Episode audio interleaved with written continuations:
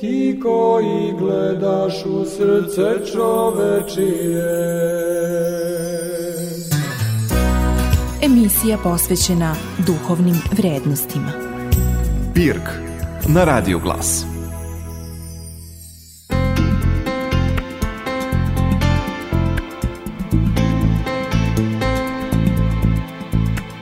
Pomože Bog, poštovani slušalci, pratite najnovije izdanje emisije Pirk. U današnjoj emisiji emitujemo audio zapis predavanja Lečenje duše u crkvi i psihoterapija protođakona Dejana Nikolića, profesora bogoslovije i psihoterapeuta. Predavanje je održano u nedelju 24. decembra nakon svete liturgije u hramu Svetog cara Konstantina i carice Jelene. Draga braći i sestre, čast mi je da ispred naše crkvene zajednice u kojoj redovno organizujemo duhovna predavanja tokom godine, naročito u vreme radosnih dana u oči praznika Božića i Vaskrsa, Božićnih Vaskršnjih katiheza, do slop ovih Božićnih katiheza, pozdravimo i ugostimo našeg današnjeg dragog predavača, mog ličnog prijatelja, dugogodišnjeg kolegu iz Bogoslovije, protođakona Dejana Nikolića, dugogodišnjeg profesora bogoslovije i psihoterapeuta, koji će nam i svoje bogate riznice izložiti nešto upravo o toj kompleksnoj temi vezanoj za ona saznanja koje se tiču kako našeg duhovnog, tako i našeg duševnog zdravlja. O lečenju duše u crkvi i u psihoterapiji. Oče Đakone, izvolite. Hvala ocu Bobanu na najavi, na lepim rečima. Hvala bratstvu i njemu na pozivu da se ovde malo družim sa vama i da podelimo neke misli. Ja sam ovde dolazio i ranije na par nekih predavanja, ima jedno 6-7 godina. Prepoznajem neka lica još iz tog vremena, mada vidim i puno novih lica, što je dobro. U suštini ne poznajem ovu zajednicu toliko dobro i volao bih da vi u stvari odredite temu moje priče tako što ćete postaviti pitanja. Neki dogovor je bio da ja malo skratim ovo svoje uvodno predavanje, da onda ostavimo više vremena za pitanja. Tema psihoterapije i odnosa psihoterapije i vere je vrlo, da kažem, intrigantna, možda na neki način i kontroverzna, što bi se reklo, jer sa obe strane, i sa strane psihoterapije, i sa strane crkve, religije, vere, postoje različiti stavovi onoj drugoj strani. Postoje vernici, sveštenici koji su striktno protiv psihoterapije, kao što postoji psihoterapeuti koji imaju negativne stavove o veri i vrlo često u sklopu svoje prakse pomalo te stavove i prenose na, na svoje, da kažem, klijente ili pacijente, kako se već e, nazivaju raznim psihoterapijskim pravcima. Ja mislim da je, bez obzira na sve to, tema ipak zahvalna i da je značajno da se te dve stvari postave kako treba, jer verujem da kad se vera shvati na najbolji mogući način, u najboljem mogućem svetlu i kad se psihoterapija shvati na najbolji mogući način, onda je moguće da te dve stvari budu, te dve oblasti ljudskog života budu u jednoj vrsti sinergije, saradnje i da praktično mogu da doprinesu obogaćenju čoveka. Dakle, da ne moraju nužno da budu suprotstavljene, da. Vi verovatno primećujete da je psihoterapija vrlo popularna, to se vidi u medijima, stalno pitaju psihoterapeuta za neko mišljenje po raznim emisijama, psihoterapeuti daju svoje sudove o svemu i svačemu i čak recimo mlađe generacije, na primer studenti, srednjoškolci trenutno, svi znaju nešto o psihoterapiji. U stvari, neke stvari iz psihoterapije su postale kao deo nekog opšteg obrazovanja za mlađe generacije. Svi nešto pričaju, koriste neke izraze, diagnoze, ne znam, kažu to mi je OCD, kao obsesivno-kompulsivni poremeće, kad, kad je neko previše pedantan ili organizovan, on zna da kaže, to, to recimo mlađi ljudi imaju vrlo često, ili ne znam, kažu overtinkujem, kao kad o nečemu previše razmišljam. Znači, nekako su ti termini koji su nekad bili rezervisani za struku, postali u stvari na široko poznati i to govori o, u stvari o popularnosti i psihoterapije. Pa onda da ne govorimo o life coachingu. Pazite, razne edukacije koje organizuju firme za svoje zaposlene, to nije psihoterapija u smislu lečenja, zato što to nisu ljudi koji dolaze zbog nekih simptoma koje imaju, već su ljudi koji žele da poboljšaju efikasno svoje komunikacije. Mi sad možemo da razmišljamo o tome na različite načine, ali definitivno znamo svi da bogati ne daju olako svoj novac. Tako da ako firme plaćaju treninge svojim zaposlenima, verovatno ima tu nečega, verovatno im se to na neki način kroz veštine koje ti zaposleni stiču vraća se tim firmama. Tako da u suštini je psihoterapija popularna, ima sad još razloga pored ovih koje sam naveo. Recimo, jedan od razloga bi bila ta neka sekularizacija i opadanje pobožnosti, naročito u zapadnom svetu. Čak to nije toliko smanjenje vere u Boga, koliko smanjenje pohađanja crkve. Dakle, ljudi danas mnogo manje, iako vera u Boga je tu negde, većina ljudi veruje u Boga na nekakav način i, i ovde i na zapadu suda, međutim ono, odlazak u crkvu i vezano za instituciju e, je u opadanju. To naravno nije slučaj samo sa crkvom, sve institucije slabe, prosto to je neka karakteristika našeg vremena. Škola nije što je nekad bila, zdravstvo nije što je nekad bilo. Znate, mnogi, imam neke prijatelje lekare koji se žale kako vrlo često imaju pacijente koji dođu sa gotovim stavovima, sa, ne znam, naučili su nešto preko interneta i bukvalno kao drže predavanja lekarima. Tako da taj autoritet institucije slabi i to je prosto deo našeg vremena. Verovatno je internet zaslužan, informacije su dostupne, tako da se to dešava negde i sa institucijom crkve. Dakle, deo jednog šireg spektra nekih promena. Više se ljudi okreću toj nekoj individualnoj duhovnosti i u tom smislu psihoterapija postaje neka vrsta nove duhovnosti, zamena, postaje kao neka vrsta religije, nove religije. To je jedan razlog. Međutim, imate još nekih razloga zašto se ljudi dosta interesuju za psihoterapiju. Kažu da kad čovek obezbedi sebe materijalno i obezbedi svoj opstanak, da tako kažem, kada opstanak čoveka nije fizički ugrožen, a kada život nije ugrožen, onda se čovek bavi kvalitetom života. Dakle, kad smo gladni, kad razmišljamo o tome šta ćemo, ne znam, danas, sutra, šta ćemo za kako ćemo da kupimo knjige deci, obično ne razmišljamo o nekim, da kažem, finesama. Međutim, kad su te stvari rešene, onda počinjemo da razmišljamo da li ja mogu više u životu, da li sam možda izabrao dobru profesiju, da li je moj suprug, supruga prava stvar, da li, da li je život samo to. Dakle, ljudi počinju da se pitaju o kvalitetu života i to je fenomen koji nije karakteristika samo našeg vremena. Tako je uvek bilo. Vrlo često, znate, ima onaj turcizam, ne znam, verovatno to se u Nišu kaže kad neko ima problema, pa kažu azdisao. znači, u principu sve mu, sve mu je potaman, da, ili pobesneo, sve mu je potaman, sve ima i sad mu nešto ne valja. Vrlo, pazite, to nije uopšte tako redak slučaj, jer onda čovjek počinje da se preispituje, ima mnogo vremena za razmišljanje. Kažu kada kada nemamo posao, đavo nam nađe posao. Dakle, to su sve neki, neke stvari koje su, da tako kažem, prirodne. Ali pazite, nije to tako samo danas. Iako gledate e, istoriju, znate recimo, ko, je, ko se malo interesao da je filozofija nastala u staroj Grčkoj. Jedan od preduslova za nastanak filozofije je bila dokolica. Prosto ljudima je moralo da bude dosadno. Da bi nekom bilo dosadno, morao je da bude zbrinut. Filozofija je nastala u doba ekonomskog procvata Atine, gde su ljudi imali mogućnost da sede i da razmišljaju, da pričaju. S druge strane, imali su robove koji su radili fizičke poslove za njih. I tako je jedan od razloga, kako je jedan od, a, tako kažem, društvenih uslova da bi nastala filozofija bila ta dokolica.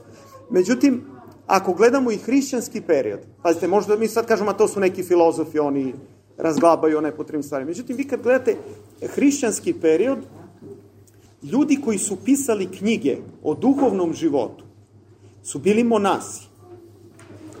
U srednjem veku monasi su bili, uslovno rečeno, dobrostojeći. Zato što su imali jednu vrstu stabilnosti. Vidite, manastiri nekad imaju zidine. dakle, oni nisu bili egzistencijalno ugroženi. Oni jesu živeli u siromaštvu, ali dobrovoljno. Oni nisu bili pod stresom šta ako sad dođe neko pa ne znam zapali, bilo je naravno, bilo je različitih perioda, ali uglavnom oni periodi procvata jesu književnosti i duhovne literature jesu vezani i za neku vrstu da tako kažem, stabilnosti i blagostanja. Iako mi sad to iz našeg ugla možda gledamo malo drugačije, međutim, zaista je tako bilo. Tako da, gde god imate neku vrstu blagostanja, ljudi u stvari počinju da razmišljaju. Tako da i danas, eto, mi živimo u to vreme i ja mislim da pored toga što naravno takvo jedno stanje ima svoje pozitivne i negativne strane, što možemo da razmišljamo o tome, mi pre svega treba da vidimo i da prihvatimo da je to tako. I to, takve stvari se dešavaju i sa hrišćanskim porodicama, razvodi se dešavaju i među hrišćanima i među ljudima koji nisu hrišćani, depresija, anksiozno, dakle, mi bismo možda voleli ponekad da kažemo da nas mimo ilaze sve te stvari i da smo mi nekako zaštićeni zato što smo vernici i da svega toga nema, međutim ima. Možda u manjem broju, što je govori dobro, možda neke, ali u suštini svi smo živi ljudi i svi smo isto. Tako da eto, to je ovaj, da kažem, jedan od razloga zašto, zašto je psihoterapija značajna i bitna za nas. I sad, ako bismo opet gledali istoriju, vidite, nekada su društva bila mnogo homogenija i mnogo jednostavnija. Naprimer, vi ste, recimo, u jednoj srednjevekovnoj imperiji Vizanti imali jednu veru. I ako želite da pitate nešto o Bogu, o večnom životu, o anđelima, imali ste jednu instancu, jednog sveštenika i tog sveštenika pitate. Međutim, danas nije tako. Danas imate taj neki pluralizam koji voleli mi ili ne, on je ono što je, što je naša realnost. Dakle, vi imate mnoštvo vera, mnoštvo različitih mišljenja. To sad prosto dolazi kod nas. Pa onda imate internet, gde i ono što vam fizički ne je dostupno, dostupno je. Tako da se mi nalazimo u jednom periodu pluralizma. Drugo, u srednjem veku niste imali ukupna količina ljudskog znanja je bila vrlo ograničena. I onda je bilo moguće da jedan čovek, obrazovan, tako reći, zna sve. Znači, on prođe neke škole i zna sve što se u njegovo vreme zna. I u tom trenutku je sveštenik sa svojim nekim, da kažem, konkretnim obrazovanjem mogu da bude autoritet, tako reći, za sve oblasti. Međutim, danas se to promenilo. Od renesanse pa nadalje takvih ljudi nema. Niti je to moguće. Zato što je količina ljudskog znanja ogromna. Ja imam prijatelje koji su oboje matematičari i profesori na fakultetu i pitam tog muškarca šta radi tvoja supruga, kaže, da nemam pojma. Šta tačno radi? Zato što oni su doktor, oboje su radili doktorate, do te mere su se usko specijalizovali da čak i oni koji su matematičari i doktori nauka ne razumeju, dakle, toliko je toga danas mnogo. I nemoguće je da jedan čovek sve zna. Nekada ste imali, pa znate, recimo obrazac tipa Svetog Save, Sveti Sava koji uči ljude raznim stvarima. Imate onu priču kako iznose mrak iz, iz kuće, pa onda on kaže otvorite prozor i tako. Znači, jedan, jedan da kažem, univerzalni znalac koji prosto svojom ličnošću, svojim znanjem prosvećuje ljude na svim planovima. Međutim, danas, zbog količine znanja, i zbog tog nekog pluralizma nije moguće da, da prosto jedan čovjek sve zna. Pa i do nedavno je bilo u selima, recimo, do pre par generacija sveštenik je bio neko ko daje savete apsolutno vezano za sve. On kad uđe u kuću, on prvo pogleda higijenu, da li je tu čisto, da li je pa ukori domaćicu. Pa ako je tu neka dojlja, on joj kaže, ne znam, ovako se doji dete, ovako se drži, oko, prosto, znači, oko higijene, lične higijene, oko, znači jednostavno svešnik ima tu ulogu, međutim danas je nema. I zato je, zato prosto nije moguće da toliki teret u današnje vreme neko preuzme na sebe. Zato u stvari polako se, kako vreme dolazi, vera pokazuje ipak kao jedan deo života. Za nas vernike vera jeste najvažniji deo života, ali nije čitav život. Dakle, postoji neke druge oblasti i neke druge discipline gde autoriteti jesu neki drugi stručnjaci. I u tom smislu, dakle, ja mislim da je važno, dolazim na poentu, dakle, da je važno da mi razumemo da nekad vera nije dovoljna. Ona je dovoljna možda za spasenje, za večni život, za najvažnije stvari, ali ima još mnogo tema, još mnogo nekih drugih situacija. I to je ono što bih ja u stvari voleo da, da negde prenesem na vas kao neku vrstu, kako da kažem, radoznalosti u stvari. Jer mislim da ta otvorenost je dobra stvar. Da u smislu čovek čuje, da pročita. Možda će za mene kao vernika vera da bude najvažnija, ona, ona se tiče mojih vrednosti, ali postoji neke druge nauke, neka druga istraživanja, neka druga saznanja koja isto tako mogu da budu korisna, koja će možda biti drugog, trećeg reda, ali neće biti beznačajna. U tom smislu, dakle, smatram da je psihoterapija jedno od saznanja našeg vremena koje može da bude korisno, nešto na što bi trebalo da obratimo pažnju.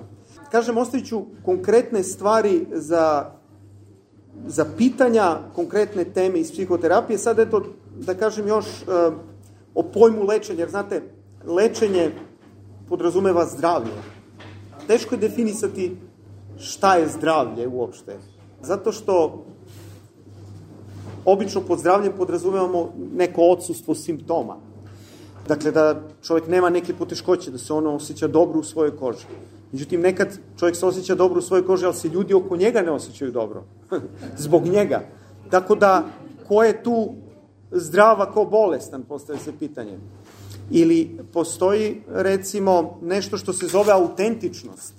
Pazite, mi možemo biti bez simptoma, ali će naš život možda u nekom periodu biti onako po šablonu, šematski, monoton, nećemo realizovati neke svoje potencijale, bavit ćemo se trivialnim svakodnevnim stvarima, dok će neko možda imati neke simptome poteškoća, ali će recimo biti izuzetan, izuzetan u nekim drugim segmentima. Uzmimo primjer recimo Dostojevskog.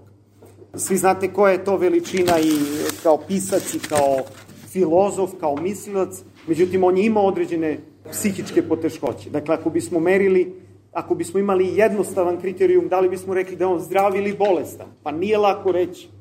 A, zato što zdravlje i bolest nije jedna linija gde se ljudi nalaze na toj liniji malo više na, od 0 do 100 ili ne znam, nego je prosto čovek je multidimenzionalan, ima puno dimenzija. Dakle, i poteškoće mogu u, nekoj, u nekom konačnom zbiru da budu deo jedne a, lepe slike koju čovek ukupno može da predstavlja, čak sa sve svojim nekim manama. Tako da je u stvari ideja zdravlja, kako da kažem, vrlo, vrlo kompleksna i nema jednostavnog odgovora. I koliko god sad, ne znam, medicina ili psihijatrija ili te egzaktne nauke se bavile time, ostaje uvek nešto što je pomalo u domenu filozofije. E, e, istorijski gledano, psihologija je uvijek bila deo, deo a, filozofije. U današnje vreme psihologija se razvija kao empirijska nauka, međutim, postoji taj jedan deo koji se tiče čoveka kao tako, koji se tiče ličnih vrednosti, pa neko može da izabere da je za njega to ideal, pa samim tim za njega je to i zdravo, on će reći ovaj drugi je bolestan, on radi ne znam ja šta. Tako da nećemo verovatno nikad dobiti unificirano unificiranu definiciju šta je zdravlje i naročito psihološko zdravlje oko koje bi se svi složili. U svakom slučaju, mi smo tu da na neki način radimo na sebi i to je ono što je bitno. U stvari da popravljamo ono što vidimo da škripi. Mi nemamo nikad neku celinu da, gde možemo da kažemo škripi tačno baš šta sve škripi. Ali ne postoji kraj u tom napredovanju. Ne postoji čak ni u carstvu nebeskom kraj. Dakle, lični razvoj, napredovanje je nešto što je već, to ne postoji ništa statično. Od atoma u ovom stolu koji se neprestano kreću, od, ne znam, mikroorganizama, od ljudi, od, dakle, sve, sve neprestano je u neprestanom kretanju. Tako i naš život. I nema konačnog stanja, nema konačnog zdravlja i nema konačne zrelosti i punoće. E, ona je u stvari, e, naš život je datost, ali pre svega zadatost. Dakle, mi smo uvek usmereni ka nekom cilju, uvek u nekakvom kretanju. Tako da, ono što radimo jeste da popravljamo ono što nam neposredno stvara poteškoće, da tako kažem, što u ovom životnom periodu, što je izazov u ovom našem životnom trenutku. Znate, i ti izazovi se menjaju. Delo je kao, naš život otprilike ide u ciklusima. Delo je da smo sve složili i da je sve kako treba, onda najde neka promena. Recimo brak. Ili bude dobro u braku dok se ne rodi dete. Onda je to opet ne jedna druga promena. Pa onda bude nekako dobro dok to dete ne postane tinejdžer. Opet promena. Pa onda, ono, ajde, izađe iz tog turbulentnog perioda, dođe snajka u kuću, pa opet budu neki drugi problemi. Ili bude sve to okej, okay, razbole se roditelji, ali uvek izazove, ajde da, da preciznije kažem. Dakle, uvek nešto i tako se smenjuju, generalno život ide u tim nekim ciklusima, svačiji život, gde imamo neke periode nestabilnosti i periode stabilnosti. Periode kad, kad manje više godinu, dve, tri, sve, kako, šta ima, no, pa nema ništa, eto tako, kuća, posao i tako. Znači, međutim, onda dolaze periodi kada se dešavaju neke promene i kada smo pod nekim izazovima, kada nam je teško, kada smo malo uznemireni, kada se malo prispitujemo, nismo sigurni, te dođe, ne znam, kriz, kriza srednjih godina, da li sam dobre izbore donosio, život je ograničen, da li moram da odustanem od nekih svojih ideja, neke stvari nikad neću imati tako, dakle, pa onda dođe hronična bolest, pa shvatanje da ću možda celog života piti lekove, a, da ću možda osjećati bol permanentno i tako, mislim, život je zaista prepun nekih a, a, turbulencija i u suštini dobra vest je da mi u stvari baš u tim periodima kad smo a, malo poljuljani, mi tad rastemo i tad, tad napredujemo. Tad tu neku svoju građevinu malo, ona je napukla i mi je preslažemo Lego kocke, pravimo neku malo čvršću građevinu i svaki sledeći put i svake, da tako kažem, krize mi izlazimo malo jači, malo zreliji, malo mudriji, a, sa boljim međuljudskim odnosima. Obično je to tako, obično se izazovi savladavaju. Dakle, to je jedan, da tako kažem, večiti ciklus.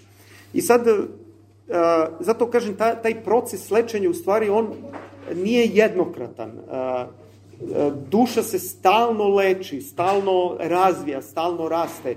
Da li od bolesti ka zdravlju ili od nekog relativnog zdravlja ka nekom višem stepenu duhovnosti, teško je povući granicu. Sve je to negde jedan, da tako kažem, jedan pravac na koji smo mi pozvani.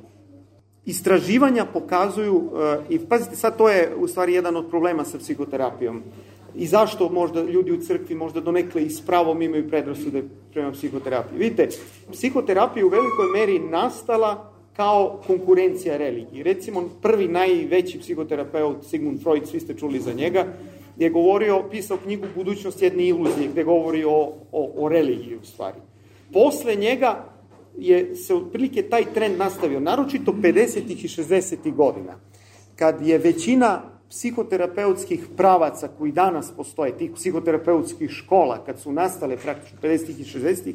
to je bio period razvoja individualizma u kulturi.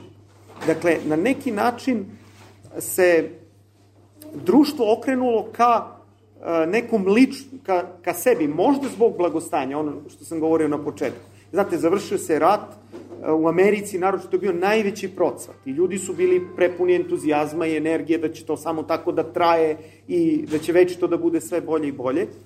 I, i naravno nastalo je to neko relativno blagostanje i stabilnost. U tim okolnostima jedna od ideja, pa ne znam, seksualna revolucija, hippie pokret, je bila ideja ličnog razvoja. Taj, ta ideja je u stvari čoveka stavila u centar. I na neki način vrlo često psihoterapija je imala efekat podizanja ličnog ega čoveka. Znači, vi kad odete kod psihoterapeuta, on vas nauči da kažete ne, da se suprotstavite, da, ne znam, umete da budete asertivni, kako se to kaže, i na neki način psihoterapija kao da je podgrevala ego čoveka, ali istovremeno urušavala zajednicu, urušavala porodicu urušavala veru i to se zaista dešavalo u velikom broju slučajeva. Zato što je, kažem, čitavo društvo bilo pod e, nekom vrstom individualizma kao neke vladeće hedonizam, individualizam, ja sam u centru, moje lično zadovoljstvo, tako dalje. Dakle, to je bila preovla, preovlađujuća, preovlađujući duh vremena. Međutim, vremena su se promenila. A, na, naravno, vi znate, kada to možete da, e, ne znam, u medicini se nekad recimo neke stvari menjaju, pa jedno je ono što pričaju profesori na fakultetima, međutim dok to dođe do lekara, e, nekad kasni mnogo. Naročito ako, ne znam, neko ne pohađa redovno seminare, ne čita, desi se da prosto on priča nešto što je učio kad je on studirao, a, a danas ne. Tako i sa psihoterapijom. Znate, vrlo često psihoterapeuti se edukuju i ostanu u tome i izgrade taj neki svoj sistem i to postoji dan danas. Dakle, većina škola, kažem, vodi e, poreklo tog perioda. Međutim, ono što se na planu psihoterapije, na planu nauke empirijske psihologije, dakle, ima mnogo istraživanja koje su se umeđu vremenu desila, posle tog perioda, 50 možda najviše u zadnjih 20 godina, u stvari se pokazalo da je religija jedan veoma bitan faktor zdravlja. Vernici su u proseku, naravno, to sad teško je uh, izvlačiti statistiku, ali uglavnom zdravi u proseku, kažem, u odnosu na ljude koji, koji ne idu u crkvu i koji, koji nemaju nikakav oblik vere. Vera se prepoznaje kao jedna od snaga i to je novija psihologija, psihoterapija tako gleda. Iako naravno vi uvijek imate primjere ovakve i. I ispostavilo se ne samo vera, nego da su lični odnosi, bliski lični odnosi, ne bilo kakvi lični odnosi. Znate, da su, da su u stvari veoma značajan faktor kvaliteta života. Ne samo psihološki, nego i fizički. Dakle, ljudi koji imaju dobre emotivne veze, dobre bliske odnose, žive duže, srećnije i bolje ispunjenije u svakom pogledu. I to su neka otkrića koja je donela psihologija, neka istraživanja koja prate ljudski život od da kako kažemo, mladosti do kraja. Dakle, to ranije nije postojalo i onda su ljudi mogli da nagađaju. Došlo je novo vreme, sad će svi da odbace veru. I svi će biti, ne znam, srećni i, i, i, i emancipovani. Međutim, to se nije desilo. Dakle, ali su umeđu vremenu rađena ta neke istraženja koje su pokazali da je u stvari i vera, ali i, i duhovnost i bliske veze. Dakle, ono što hrišćanstvo govori sve vreme. Ljubi gospoda Boga svoga i ljubi bližnjega svoga. Najveće zapovesti. Suština života. Dakle, ispostavilo se da sad na neki način psihologija, psihijatrija potvrđuju te stvari. I to je, da tako kažem, dobra vez za nas, hrišćane. A, to je možda i razlog da smanjimo predrasude u odnosu na psihoterapiju da psihoterapiju shvatamo kao potencijalnog saveznika. A, zato što koju prednost ima psihoterapija? Tačno je da sveti oci e, su mnogo toga napisali i da je to jedno veliko blago. Međutim, sveti oci su živjeli pre više od, većina velikih značajnih pisaca su živjeli pre više od hiljadu godina. To je prilično različit društveni kontekst. E, teško je čitati knjigu napisanu pre 2000 godina bez nekog tumačenja, bez nekog rukovodđenja. Drugo, kontekst u kome su oni živeli, kultura, društvo, a, živjeli su u pustinjama. Prvo, pre svega bili su svim monasi. Dakle, nemate ni jednu ni jedno klasično delo koje je napisao neko ko nije, nije bio monah. Govorim pre svega o asketskoj literaturi. Dakle, tu ima, to su biseri, ali biseri kojima treba interpretacija, kojima treba tumačenje. Vrlo često ljudi, ja sam isto, i kad sam kretao u crkvu, uvek sam volao tu vrstu literature i nekako uvek mi interesovao taj unutrašnji život, da kažem. Tako, tako da od teologije nekako mi je ta asketska, podvižnička literatura nekako mi je bila najbliža od uvek ali vrlo često to zna da optereti čoveka, da se posle čitanja e, lestice Svetog Jovana Lestičeg u stvari ne osjećate dobro, da bude kao da ste neki teret uzeli na svoja leđa. Zašto? Zato što, ja mislim pre svega zato što to ne razumemo. Pazite, ne razumemo zato što nemamo isti kontekst. I evo još jedan primjer i time ću završiti, pa pustit ću e, da postavite pitanja. Govori Sveti Jovan Zlatousti u knjizi o sveštenstvu, kaže, sveštenik treba da i da ukori i da skrene pažnju, da pobudi osjećanje u stvari pokajanja kod e, vernika, kod onog ko se ispoveda. Međutim, ako vidi da je on već previše samokritičan, i sad ja parafraziram, naravno koristim neke reči koje Sveti Jovan nije koristio, ali ako je on previše pritisnut svojim osjećanjem pokajanja, tuge, onda treba da ga ohrabruje. Jer nije cilj da pogubi, nego da spase. Međutim, ta literatura uglavnom više nas pobuđuje na osjećanje pokajanja i osjećanje neko, budi u nama osjećanje krivice. Između ostalog, zašto je to bilo tako? Zato što u stvari ta literatura je pisana u srednjem veku. Pazite, nama je teško da se vratimo u taj kontekst. Zamislite recimo 1% pismenih samo, koji žive negde u manastirima. I drugi ljudi koji nemaju nikakvu strukturu u životu, nemaju ličnu kartu Ne postoji knjiga u kojoj su svi upisani sa matičnim brojem. Gde vi živite u nekom selu, da li će da najde neka vojska da vas pljačka ili neće, ne znate. Dakle, potpuno, mislim, a, a, ono što nam je ostalo preko pisanih izvora a, ne, ne predstavlja realno prosek života tog vremena. Dakle, mi vidimo a, Nemanjićke manastire, zadužbine, prelepe, ali e, to je toliko mali broj ljudi učestvovao u tome, uopšte ima udelo na bilo koji način, kroz bogosluženje, kroz dolaz, da, da, je, da je prosto slika koju dobijamo u stvari nerealna kad gledamo sve ljude. Dakle, hoću da kažem, dakle, u tom nekom, u toj nekoj prošlosti u kojoj su nastajale knjige svetotačke, stvarnost je bila potpuno drugačija. Ljudi su bili sirovi ti, većina vernika su bili sirovi, njih je trebalo podstaći, probuditi nešto u njima, neka finija samokritično osjećanja. Međutim, šta se desilo umeđu vremenu? Umeđu vremenu se desila hristijanizacija čitavih naroda, društava, opismenjavanje, vaspitanje, manji broj dece. Možete misliti koliko današnje dete, naročito ako je jedinče, koliko kritika ono dobije od svojih roditelja tokom svog života. Za razliku, recimo, nekih malo ranih perioda, da ne govorimo o tom srednjem veku gde su prosto deca bila puštena, pa ko preživi, e, vidjet ćemo. Da, da, nije, nije prosto, nije bilo uslova za toliku posvećenost. I sad, u naše vreme, ljudi našeg vremena, pa onda, ne znam, ta viktorijanska kultura i sve to što je bilo, su mnogo više pritisnuti osjećanjem krivice. Ljudi našeg vremena e, su mnogo više u tom stanju da im treba ohrabrenja, a ne kritika.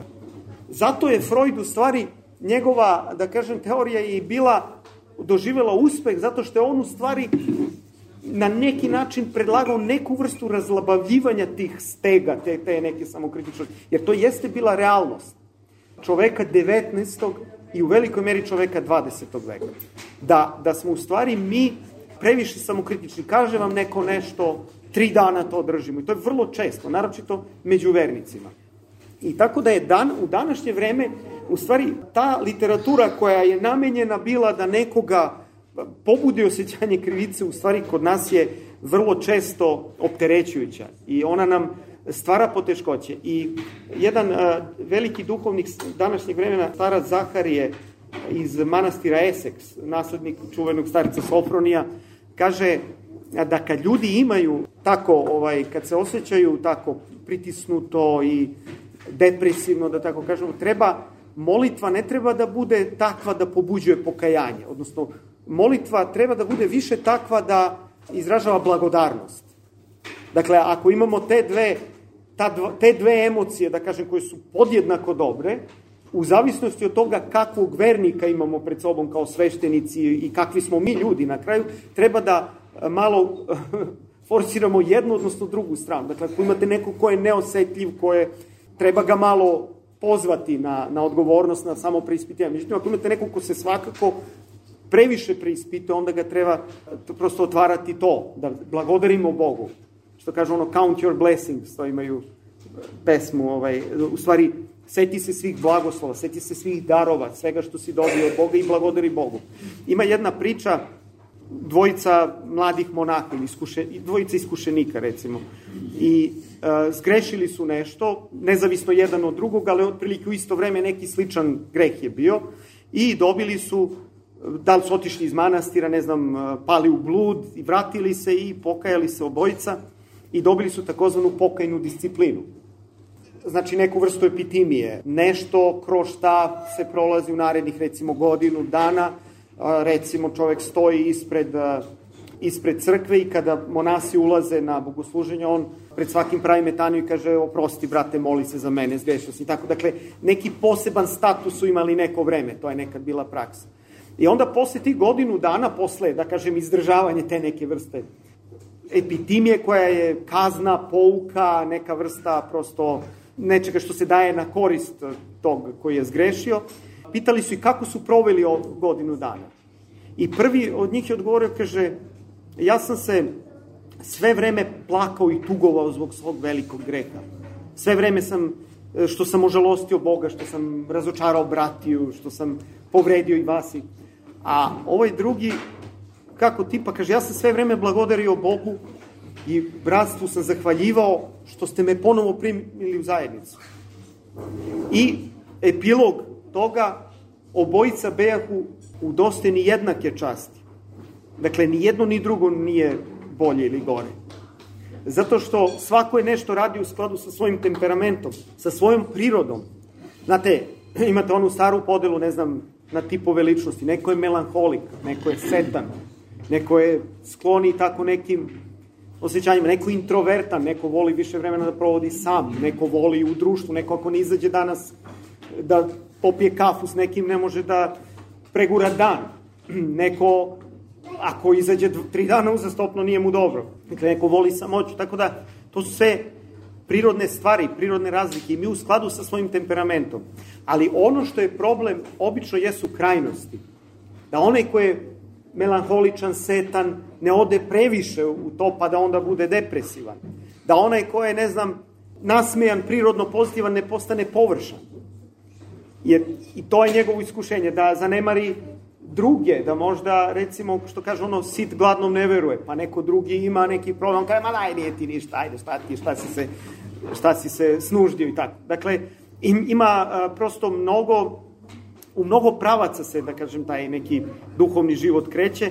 Uglavnom, mi u skladu sa svojom nekom prirodom živimo i nekoga, neko ima veće, recimo, postoji jedna osobina koju zovu intelektualna otvorenost. Neko voli da čita, da saznaje, da zna razne stvari, neko ne voli. Neko voli da mu kaže, to sveštenici znaju. Neko hoće da kaže, oče, kaži ti meni šta ja treba tačno da radim.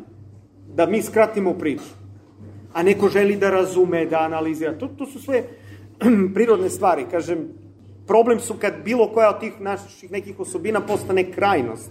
Jer ona je i naša snaga, ali ako se preterano oslonimo samo na to i zanemarimo sve drugo, onda postaje u stvari naša slabost. Jer, pazite, ima jedna uh, mnogo uh, ovako značajna definicija jeresi. Znate šta je jeres? Kaže, to je uh, deo, deo istine koji je prenaglašen. To nije prosto laž, glupost. Ona ima neke veze s istinom. Absolutizacija dela istine. Absolutizacija jednog dela istine na račun celine. Tako isto, dakle, vrlo često neka, nešto kod nas što je dobro, kada ga, da kažem, eksploatišemo, dovedemo do krajnosti, onda postaje problem. I eto, da zaključimo, dakle, kako, eto, vera pomaže lečenju, da kažem, naravno, u nekom fundamentalnom smislu, u smislu spasenja večnog života, to znamo, ali pomaže i konkretno psihološki, da se bolje osjećamo. Pre svega tako što daje smisao životu. Znate, to je jedan možda ključni sastav. Postoji čitav jedan pravac u psihoterapiji, jedan izuzetno e, zanimljiv pisac, Viktor Frankl, preporučujem svima da čitate, imate knjige, ono, knjiga se zove Zašto se niste ubili?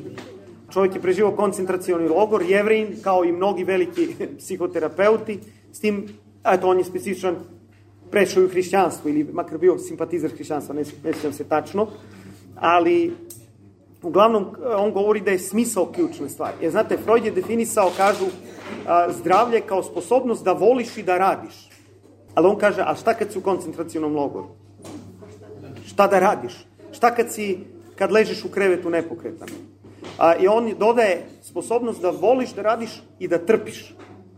Jer ta snaga koju čovek može da ima tako što u sebi zna smisao svog trpljenja, je ono što, što je recimo značajno i što vera u velikom broju slučajeva donosi. Dakle, vi možete, vrlo često se ljudi žrtvuju, provode čitav život u nekoj vrsti, ne znam, ponekad i previše, ponekad možda i nepotrebno.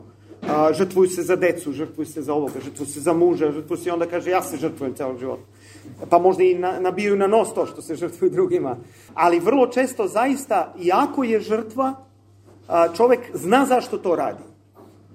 zna zašto to radi i ima osjećanje da to radi sa, nekim smislom. I to je ogromna stvar. Ispričat ću vam jednu priču. Bio je neki japanski vojnik. Znate kad se završio rat, drugi svetski rat i te neke jedinice Japanaca su ostale rasute po nekim šumama, oni uopšte nisu znali da se rat završio. I decenijama posle drugog svetskog rata njih su nalazili jednog po jednog, to je teško, to su ljudi naoružani, dođu tu neki turisti, stranci, on viri iz neke šume, gleda, ne zna šta je, izgubio kontakt sa svojom komandom i zaista je bilo, mislim, jedan koji je najduže ostao e, do... Jel tako? Posljednji, da? E, e, ovo je priča o njemu u stvari. sad pazite, on je, znate kakvi su Japanci, oni su ekstremno disciplinovani i kažu da je on svakog dana ustajao ujutru, stajao u stroj, čistio pušku redovno, salutirao možda nek, nekoj zamišljenoj zastavi, možda imao pravo, ne znam. Uglavnom, on je izdržao sam u šumi, eto koliko je to, 30 i nešto godina. I onda ču, pričalo se o njemu, neki su ga ljudi videli, bio je atrakcija, postoji, da li postoji, da li ne postoji, da li je mit. I onda se neki novinar zauzeo, neki avanturista tako išao da ga nađe, rizikovao malo da će ovaj da, da puca u njega, nekako mu objasnio da je rat gotov i da nema potrebe, da su sad svi saveznici. I šta se desio s njim? On je došao već u nekim zrelim godinama, vratio se u Japan. I video je grad razvijen, bogat, sa svetlećim reklamama, engleski jezik, amerikanci su prijatelji. Car, to je možda najteže njemu palo, jer je on voleo cara u stvari. Car je totalno nebitna figura, tamo neki lik slika se za novine i tako. I on je u tom trenutku pao u depresiju. Dakle, on nije pao u depresiju dok je bio u šumi. pao je kad se vratio u civilizaciju, kad, kad mu je sve bilo, kad, je, kad su mu nudili da pišu knjige o njemu, intervju i E, fotografisanje, zvezda prosto. Danas bi bio neki influencer, verovatno. Dakle, šta, šta to govori? On je u stvari, zašto je pao u depresiju? Zato što je izgubio smisao. Jer ono što su njegove vrednosti bilo, ono zbog čega je on svakog dana ustajao, stajao u stroj, čistio pušku, to što je, zbog čega je podnosio tu težinu, ta vera u neku ideju države, kralja, šta, šta god da je to njemu bilo, to je nestalo. On je to izgubio.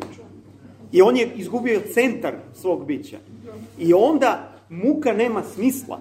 To je problem. Tad su ljudi u krizi. Tako da, vera daje smisao životu i to tu ne, teško je prenaglasiti koliko je to zaista bitno za psihološko zdravlje. Međutim, postoje sad još neke druge stvari, recimo daje nadu sa tim. Onda crkva, ne vera kao abstraktna, nego crkva kao konkretna zajednica ljudi, daje i zajednicu koja je bitna. Bitno imati zajednicu. Bitno je ovo, ovo što mi sad imamo ovde, da sedimo i da, da se družimo, da jedemo čips i pijemo kiselu vodu i kafu. I kafu. to, to je dragoceno u stvari. Dragoceno zbog ljudi u stvari. Vreme je otuđenja, vreme je neverovatne samoće. Mi, mislim, mi, naše društvo ide ka tome. Ja verujem da naše vreme ima i mnogo dobrih strana, ali jedna od loših strana jeste u stvari otuđenje i usamljenost. Dakle, crkva tu daje konkretnu zajednicu, znači ne samo teoriju, u smislu čitaš u knjizi, ne znam, tako i tako, nego imaš neku zajednicu. Mnogim ljudima je to jedina zajednica. Ili desi se da druge zajednice nisu uvek E, dostupne, da su deca daleko, da su, ne znam, e, da su trenutno loš period u braku, svađa, onaj koji, kad vam je najpotrebnije e, osoba do koje vam je najviše stalo, u stvari nije dostupna. A, tako da, crkva zaista ima i tu neku, neku funkciju da, da zaista na vrlo konkretan način isceljuje. I pazite, isceljenje nije samo ono što kažu intrapsihičko, unutrašnje, nego je i interpersonalno, međulično. Isceljenje podrazumeva, zdravlje podrazumeva zdra, zdravog pojedinca u zajednici. Ne, čovjek ne može da bude zdrav sam. To je prosto, ne, mi, mi nismo, kako da kažem, nismo, e, kaže, nije dobro da je čovjek sam, to je vrlo rano u Bibliju, prvim glavama knjige, knjige postanja. Dakle, mi smo u stvari mnoštvo i to je definicija ljudskog bića kao tako. Dakle, to nam je suština. A, sledeća stvar kako vera pomaže, recimo, ako postavite sebi a, zadatak da, kao životni zadatak da gradite odnose sa bližnjima, onda se učite samo disciplini, učite se regulaciji emocija, učite se, trenirate se, to je askeza u stvari, askeza znači vežbanje. Vežbamo se da, da u stvari kontrolišemo svoje emocije. Ne da ih potiskujemo, nego da ih držimo pod kontrolom, da one nama služe, a ne mi njima, da prosto ne, ne gubimo sve emocije. To je jedan vrlo važan kriterijum duševnog zdravlja. I tako, dakle, vera poboljšava i naše međulične odnose. Taj, tako bi trebalo, naravno, ako shvatimo veru na pravi način. Ako, ako prvenstveno shvatimo veru kroz osuđivanje drugoga, vrlo često i to problem, da mi u stvari upropaštavamo svoje zajednice, da krenemo u crkvu, a onda posle dva meseca krenemo da kritikujemo ljude po kući, oni ništa ne znaju i tako dalje, ili ne znam, komšije ne znaju ništa, oni su bezbožni. Da, znate, ta pozicija superiornosti je u stvari problem, ona kvari međuljudske odnose i na duži rok nam je loše, zato što zato što se razljučujemo stalno, umesto da, da nađemo. Mir je jedan od osnovnih kriterijuma duh, duhovnog zdravlja, da tako kažem. Kažu, đavo može da se pretvori u anđela svetla, može da nam da različite emocije, samo ne može da nam da mir. To je ono što, e, što je, da kažem, e, kriterijum. Ako nismo mirni, imamo još prostora da radimo na sebi. Nešto ne postavljamo baš kako treba. Dakle, mir je nepogrešiv indikator. Naravno, pravi mir. Sad čovjek može da kaže, ja sam miran, ubio sam nekog i baš me briga. A, koliko dobro poznajemo sebi i koliko dobro vidimo taj svoj mir u sebi. Ali ljudi koji rade na sebi, mo, moći će to da vremenom da, da, da razviju taj osjećaj. Tako da u suštini vera poboljšava međulične odnose, trebalo bi, opet kažem, vrlo često početnici u veri malo sole pamet previše pa malo pokvare te odnose u početku, međutim kasnije kad to sve malo legne i kad sazra, obično se to vraća i poboljšava se i dalje. I na kraju jedna stvar, u porodičnoj psihoterapiji recimo postoji nešto što se zove genogram, pravi se porodično stavlo. I ponekad se uočavaju neki problemi uh, da postoje kroz generacije. Kao recimo Vrlo često je to sa nekim, ne znam, kardiovaskularnim bolestima ili bolesti zavisnosti, alkoholizam je vrlo, vrlo često ide u porodicama. I onda, a, ili razne druge stvari, pazite, razvodi recimo mogu da budu serijski. Tako da, naravno, ne mora da znači. Dobra vest je da to uvek može da se menja, ali postoji to nešto. I zašto se to radi? Zato što, jedan od razloga zašto se taj genogram radi u psihoterapiji, zato što čovek u stvari vidi da to što se njemu dešava, ne dešava se samo njemu. A postoji jedna, uh, jedan stav, kažu da širenje konteksta smanjuje rigidnost. Da kad, kad, kad smo fokusirani na problem ovako, nas taj problem čini najveći. On obuhvata celokupno naše vidno polje. I taj problem je sve i naš život je u toj tački. Međutim, istog trenutka kad zoom out, ono, kad izađemo iz toga i vidimo širu sliku, to ne izgleda tako strašno. Kad vidimo da su se naši preci borili sa nekim problemom. Pa nije im bilo lako, bilo je tu trzavica i ovakvih i onakvih, ali su preživljavali. Mi smo tu, dakle, preživeli su. Došlo je neko naše vreme. To sve olakšava, pored toga što njihove snage na neki način prepoznajemo kao svoje u tom trugu, kao neki potencijal da je neko recimo od mojih predaka uradio nešto što, za što ja nikad ne bih bio spreman i mislim da nisam spreman. To sa znanjem, međutim postoji to, dakle kad se taj uh, kontekst uh, širi, smanjuje se rigidnost. Ja više nisam u grču oko te stvari. Ne držim se, ne branim se previše. I vidite, vera ima tu, tu funkciju isto. Vi, recimo, ako počnete da čitate sveto pismo, vi vidite probleme. Adam i Eva taman sve kako treba, zmija prevarila, isterani iz raja, Kain i Avelj. Vidite da svi imaju probleme. Vidite da je to jedna, da kažem, kosmička stvar tako to ide. Jedna od definicija, pazite, i onda shvatite da su problemi normalna stvar. Jer jedna od definicija psihičkog e, simptoma jeste da ljudi u stvari postaju psihički bolesni onda kada nešto, to je ja, jedna stvar, nemojte sad uzimati ništa to onako, ali je interesantan ugao gledanja. Onda kada obične ljudske probleme počinju da rešavaju i pokušavaju da ih otklone. Dakle, postoji neka težina koju život nosi i zdrav odnos prema životu jeste da se ta težina prihvati. Pokušavajući da izbegnemo to, mi u stvari stvaramo prave probleme koji, koji nisu nužni, koji ne moraju da budu. Uzmimo primer, čovjek neće da radi. na primer, znači, nikome se ne ide na posao. Niko ne voli da ustaje rano. To je To je jedan problem, jedna teškoća. Nosiš se sa njom, guraš, nema drugi, mislim, ne pomaže nikakva psihoterapija. Pokušavati da to nekako, naravno, ima šta može, možete promeniti posao ako vas maltretiraju na poslu, možete promeniti. Ako vam je dugo radno vreme pa ne provodite, možete tražiti posao koji je manje radnog vremena, ima prostora, možete se naučiti da bolje komu... Mogu se popravljati neke stvari, mogu se popravljati detalje. Ali činjenica da ćemo morati uvek u životu da radimo nešto što nam se ne radi, stoji. Što pre to shvatimo, manje problema oko toga. I ljudi koji to shvate, ono, krenu i idu.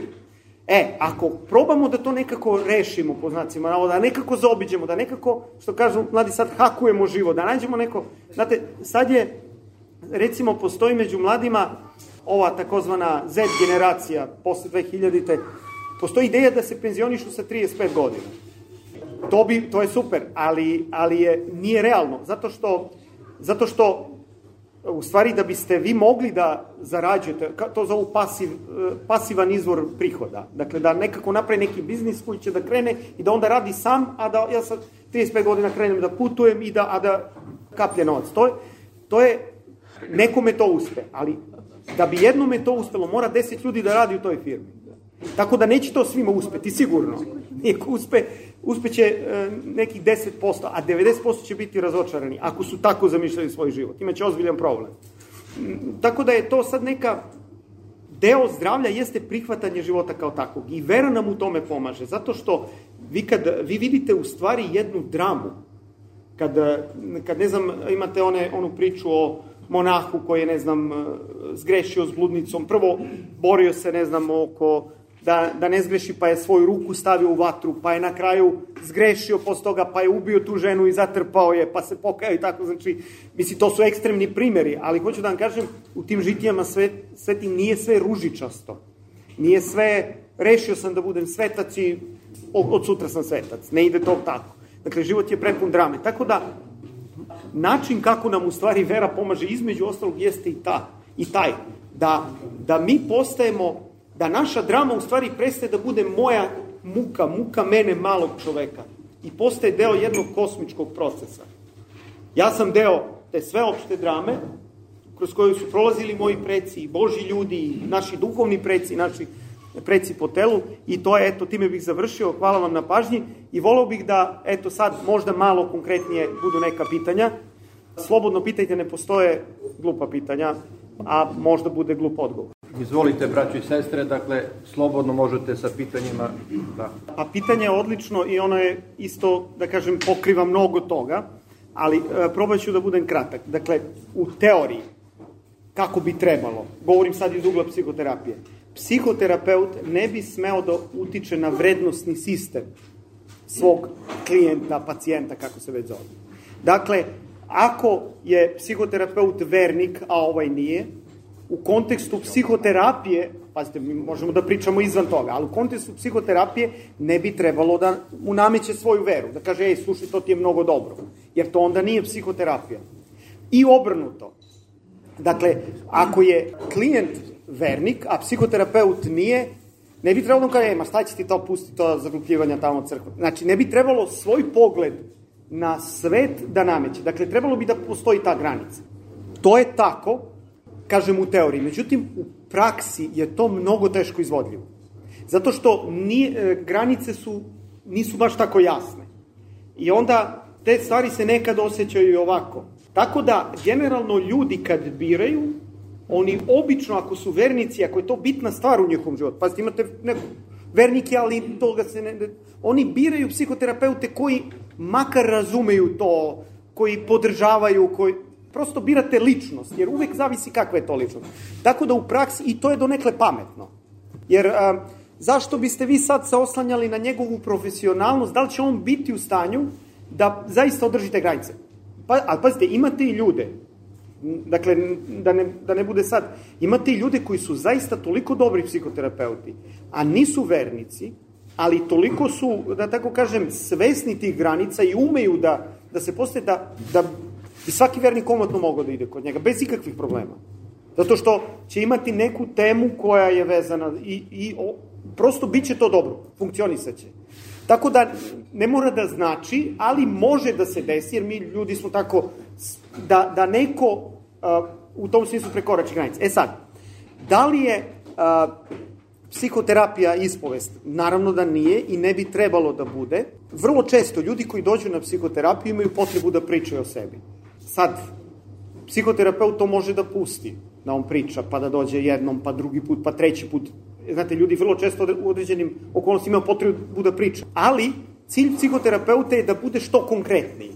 Zato što je to korist njegovog klijenta. Jer ako se psihoterapija naplaćuje, ako neko Mislim, nije etički da čoveka pustiš da on ide od kulina bana i da priča detinstvo, zato što on tako zamislio i tako osjeća potrebu, nego ga treba, dakle, psihoterapeut preusmerava na postavljanje konkretnog nekog cilja. I ima jedno pitanje koje kao psihoterapeut i ponekad postavljaju, šta je to što ti želiš da menjaš danas? Da vidimo to. A, mi možemo da pričamo sad na široko. Dakle, psihoterapeut uvek ide na to da, da to se zove ventiliranje tako zovu, kao prosto otvoriš ono i pustiš sve što ti je na srcu da ide. I ljudi osjećaju obično posle toga neko olakšanje, trenutno, ali to nema dugoročno, efekat dugoročne promene. Dakle, to je nešto što se u psihoterapiji izbegava. Ne bi trebalo, niti je, kako da kažem, uspešno, niti je etično ako čovjek to radi namerno. Dakle, ne bi trebalo to da se radi. Dakle, da, ima smisla da kad je čovek pod velikim pritiskom, da se pusti recimo jednom kad dođe, da taj jedan sat, jedna ta seansa bude kao to neko, da prosto čovek iznese šta mu je na duši. Ali ako, ako to traje mesecima i stalno tako, i on kaže, jao što mi dobro kad odem kod psihoterapeuta, vratim se, to, to nije prava stvar. To nije prava promena. To je trenutno olakšanje. To je kao da, da, da psihoterapeut sedi i da daje onaj uh, bensedin. I on popije to i posle toga, prosto to postaje zavistan u stvari od toga i taj krug tako već traje. I sad, dakle, u tom smislu ne bi trebalo da bude ono jednostrano uh, psihoterapeut sedi i sluša šta on ima da istrese. Prosto ne ide tako. A, s druge strane, kad je u pitanju ispovest, tu ima neke veze, zato što osjećanje krivice je vrlo često tema u psihoterapiji i može da se radi s tim. Ali, crkva ima tu, pazite, jedna od razlike između Psihoterapija nije život, kako da kažem. Psihoterapija je nešto što se radi obično, tako bi trebalo, u nekim životnim periodima. Dakle, nije nešto što vi sad celog života idete na psihoterapiju. Ima i toga, meni se to recimo ne sviđa.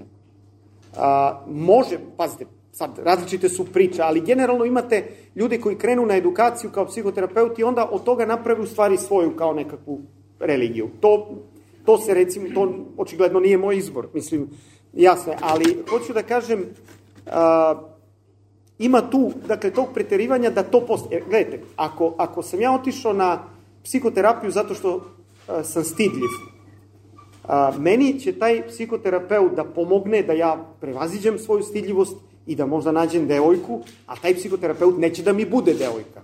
Dakle, u psihoterapiji se radi o onome što je izvan psihoterapije. O život koji je izvan toga. Dakle, psihoterapija u tom smislu različita od crkve. Me, ja mogu da pričam sa psihoterapeutom ako sam se ogrešio nekog svog bližnjega. Ali ja da bih zaista rešio problem do kraja, ja moram da izađem sa psihoterapije i da dođem do tog bližnjeg i da mu pružim ruku i da kažem izvini. Dakle, e, to je, to je ispovest u stvari. Ispovest je mirenje sa zajednicom koja je crkva. Zato, zato to ne, ne može da bude, da ima isti značaj. Psihoterapija je priča o emocijama, o snagama, o e, popravljanju stvari, ali to sve, da bi bilo delotvorno, mora da se radi izvan psihoterapije. Život je izvan psihoterapije, ne u psihoterapiji. To je razlika. Crkva je, dakle, deo tog života. I zato je, u stvari, e, ispovest kao, kao što imamo, recimo, kad tražite oprošte od nekog bližnjega. Znači, to morate da uradite. Ako hoćete da taj odnos rešite. Ne možete psihoterapijom, onda, je, onda psihoterapija možda bude samo ono uh, uljuljkivanje, ono da, da je sve već dobro, ako ne, ako ne vodi ka promeni. Dakle, da, ako psihoterapija samo moje osjećanje krivice služi samo da umanjuje to osjećanje krivice, ne i da se ja menjam, naravno, izbor donosi klijenta, ne psihoterapeut, u kom trenutku će utišavati osjećanje krivice, u kom će trenutku delovati E, sad je to sve realno, e, relativno i zavisi prosto od okolnosti, od izbora, teško je to sugerisati nekom drugom. Tako da, ovaj, eto, to je jedna razlika. S druge strane, ispovest, e, vrlo često ljudi dođu na ispovest i onda, šta je sad tu jedan, da tako kažem, problem? Crkva pomalo pobuđuje osjećanje krivice. I sad ako sam ja učinio nešto, ja hoću da dođem na ispovest. Ja, ja, ja imam želju da se ispovedim, ali I doći ću na ispovest i ispovedit ću se, ali gde sam posle? Vrlo često to, mislim, neko iskustvo, uh, ja nisam sveštenik ne ispovedam, ali sa nekim kolegama pričam, znači dođe čovjek, ispovedi nešto zaista ozbiljno i više ga ne vidite. Jednostavno, on, on ima neku težinu, nešto što nosi na duši, on je to izneo, ali on se ne pojavljuje. Dakle, on se nije ispovedio da bi se vratio u zajednicu, da bi izgladio odnose i da bi sad bilo sve kako treba, nego ga prosto to pritiska, on se ispovedio i nastavio verovatno sa svojim životom. I posle će ponovo da se ispovedi i ponovo da se vrati. Znači, i psihoterapija može, i ispovest može da delo isto onako, da u stvari ne dola, dovodi do prave promene. Znači, u tom smislu, ono što je sličnije psihoterapiji nije ispovest, nego onaj pastirski razgovor. Dakle, to kad sveštenik razgovara sa... To, tu ima sličnosti. Opet, jedna bitna razlika. Malo čas sam rekao da psihoterapeut ne utiče na sistem vrednosti, zato što je neutralan. Ako ja kao psihoterapeut vidim da je neko vernik, ja ću to podržati kod njega, ali neću ga ubeđivati da on ateiste u okviru psihoterapije. Dakle, to nije, nije deo, deo, da kažem, procesa. A, a s druge strane, u tom pastirskom razgovoru, i to je možda malo lakše, u, u neku ruku, podrazumeva se, ako sam ja u crkvi, ako sam u mantiji, ako je taj čovek došao u crkvu da razgovara sa mnom, podrazumeva se da, im, da delimo isti sistem vrednosti. Da, da smo obojica hrišćani. I ja ću bez, da kako kažem, neke najave možda spomenuti nešto iz Novog Zaveta, iz dela svetih otaca, jer, jer se podrazumeva da, da nam je to zajedničko. Dakle, to je jedna razlika u odnosu na psihoterapiju. U psihoterapiji to ne bi trebalo da se radi. Prosto pošto je ona, na kraju krajeva, ona i nastala u tom pluralističkom nekom društvu gdje ne, ne znate s kim imate posla, ko, ko vam dolazi. Dok je pastirski razgovor ima svoj kontekst. Eto, to je, mislim, neka razlika. I sad, jedna od, da kažem, uslovno rečeno, prednosti psihoterapije jeste što uh, psihoterapeut ne osuđuje. I ponekad ljudi koji su u crkvi ne bi trebalo da osuđuje, naravno, to je jedno od osnovnih preduslova za taj proces psihoterapije. Ponekad, e, zašto ljudi idu, odluče se za psihoterapiju, jako idu u crkvu, imaju sveštenika, jeste ta, taj stid u stvari, osjećanje krivice, jer se čini da to ne mogu tu da kažu. Ali tamo odu kod nekog levog lika kog je ne onako, pa možda je tamo lakše. A, sad, o tome može da se priča, ali evo, mi recimo znamo da Hristos nije osuđivao ljude, mislim, ali je teško prosto, tamo gde su svi vernici, gde svi imaju neke, a, malo se drugačije osjeća. Tako da nekad, eto, ljudi se prosto snalaze, plivaju kako ko, kako ko zna i ume, ima nekih dodirnih tačaka, ima i, eto, nekih bitnih razlika. Dalje? Moj put je bio malo drugačiji, ja sam od struke krenuo prema veri. I moje iskustvo je u stvari da psihijatrijska struka je nedovoljno upoznata sa učenjima, pogotovo svetih otaca, i neka mi je na neki način žao zašto ta znanja nisu inkorporisana u psihijatrijski korpus. Jer čini mi se da je psihijatrija počela u stvari da grebe po površini problema čoveka. Mnogo sam imao asocijacija predavanja. Ovaj, možda samo ovo što ste rekli vezano za zajednicu. Danas dominira jedna ideja da i težnja da treba da budemo srećni. I sam pojam biti srećan, naša braća Hrvati kažu sretan. Biti sretan znači biti susretni. A susret jeste stvarno moguć ovaj, jedino u zajednici. Odnosno čovek u materijalnom svetu bez istinskog susreta stvarno ne može da bude srećan. Kad ste to dotakli, zaista bitna stvar. Ima jedna knjiga, ja zato, ja sam iz nekog drugog ugla, drugim putem, ali se susrećemo negde na vola.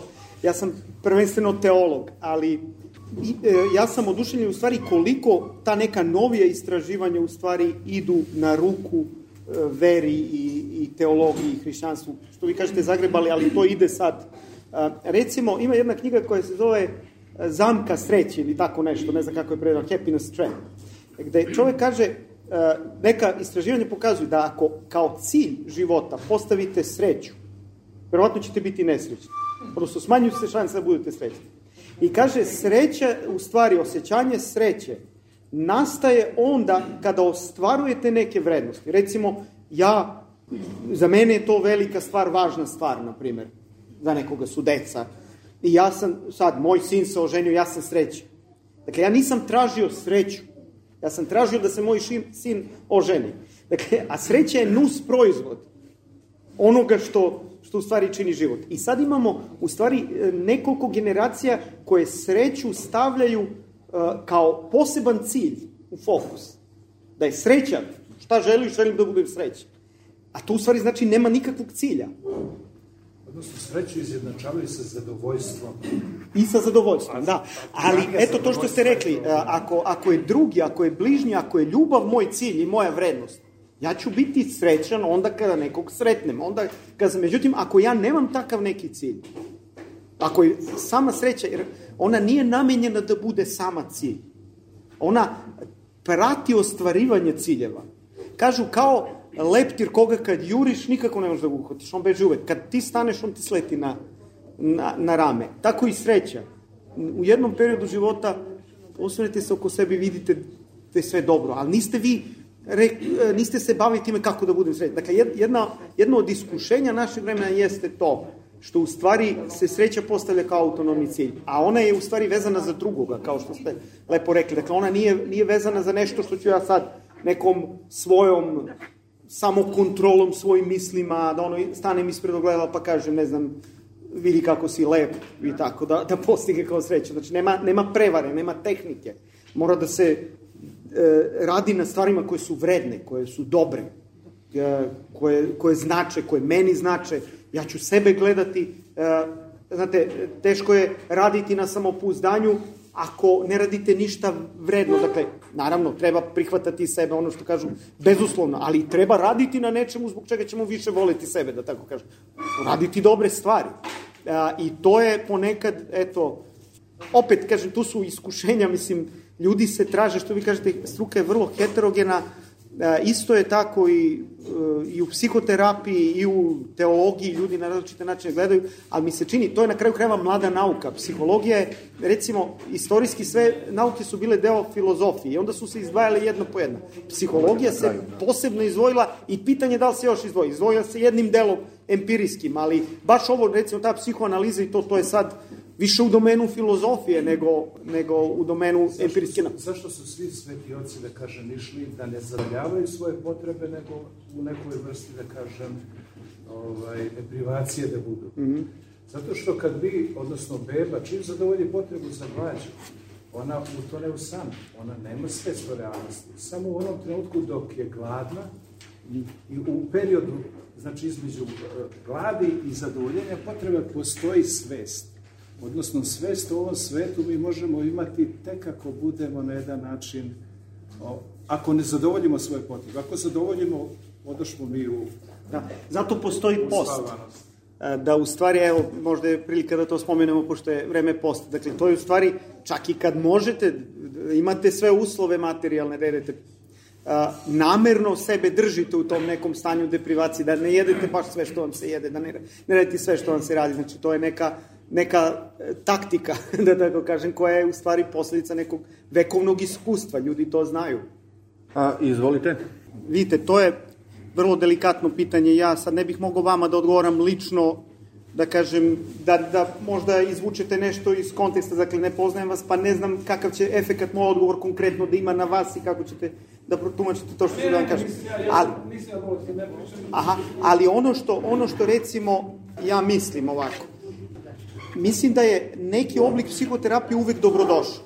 U smislu da, na primer, i kod psihoze i kod toga, psihoterapija možda bude korisna kao psihoedukacija, e, da se podrži porodica, da se porodica edukuje, da se prepoznaju, ne znam, simptomi, ta prodromalna faza, taj početak. Znači, u tom smislu psihoterapija ima smisla da izokola pomogne. Ali da li baš psihoterapija može da izleči psihozu? Ja znam da tu postoje postoje polemike oko toga, znam recimo da dolaze neki, da, skoro sam video neke seminare, neki Ravi Velč dolazi pa on priča o lečenju psihoze, psihoterapiji, o tretmanu, da li je to sad lečenje, izlečenje ili je prosto neki proces, mislim da on poprilično optimističan kad je u pitanju psihoterapije.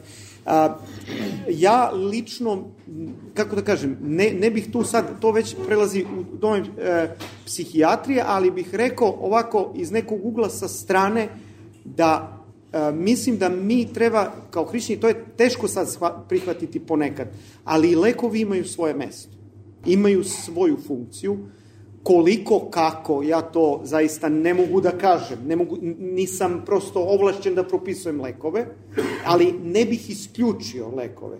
E, zato što, pazite, mi jesmo i psihičko i fizičko biće.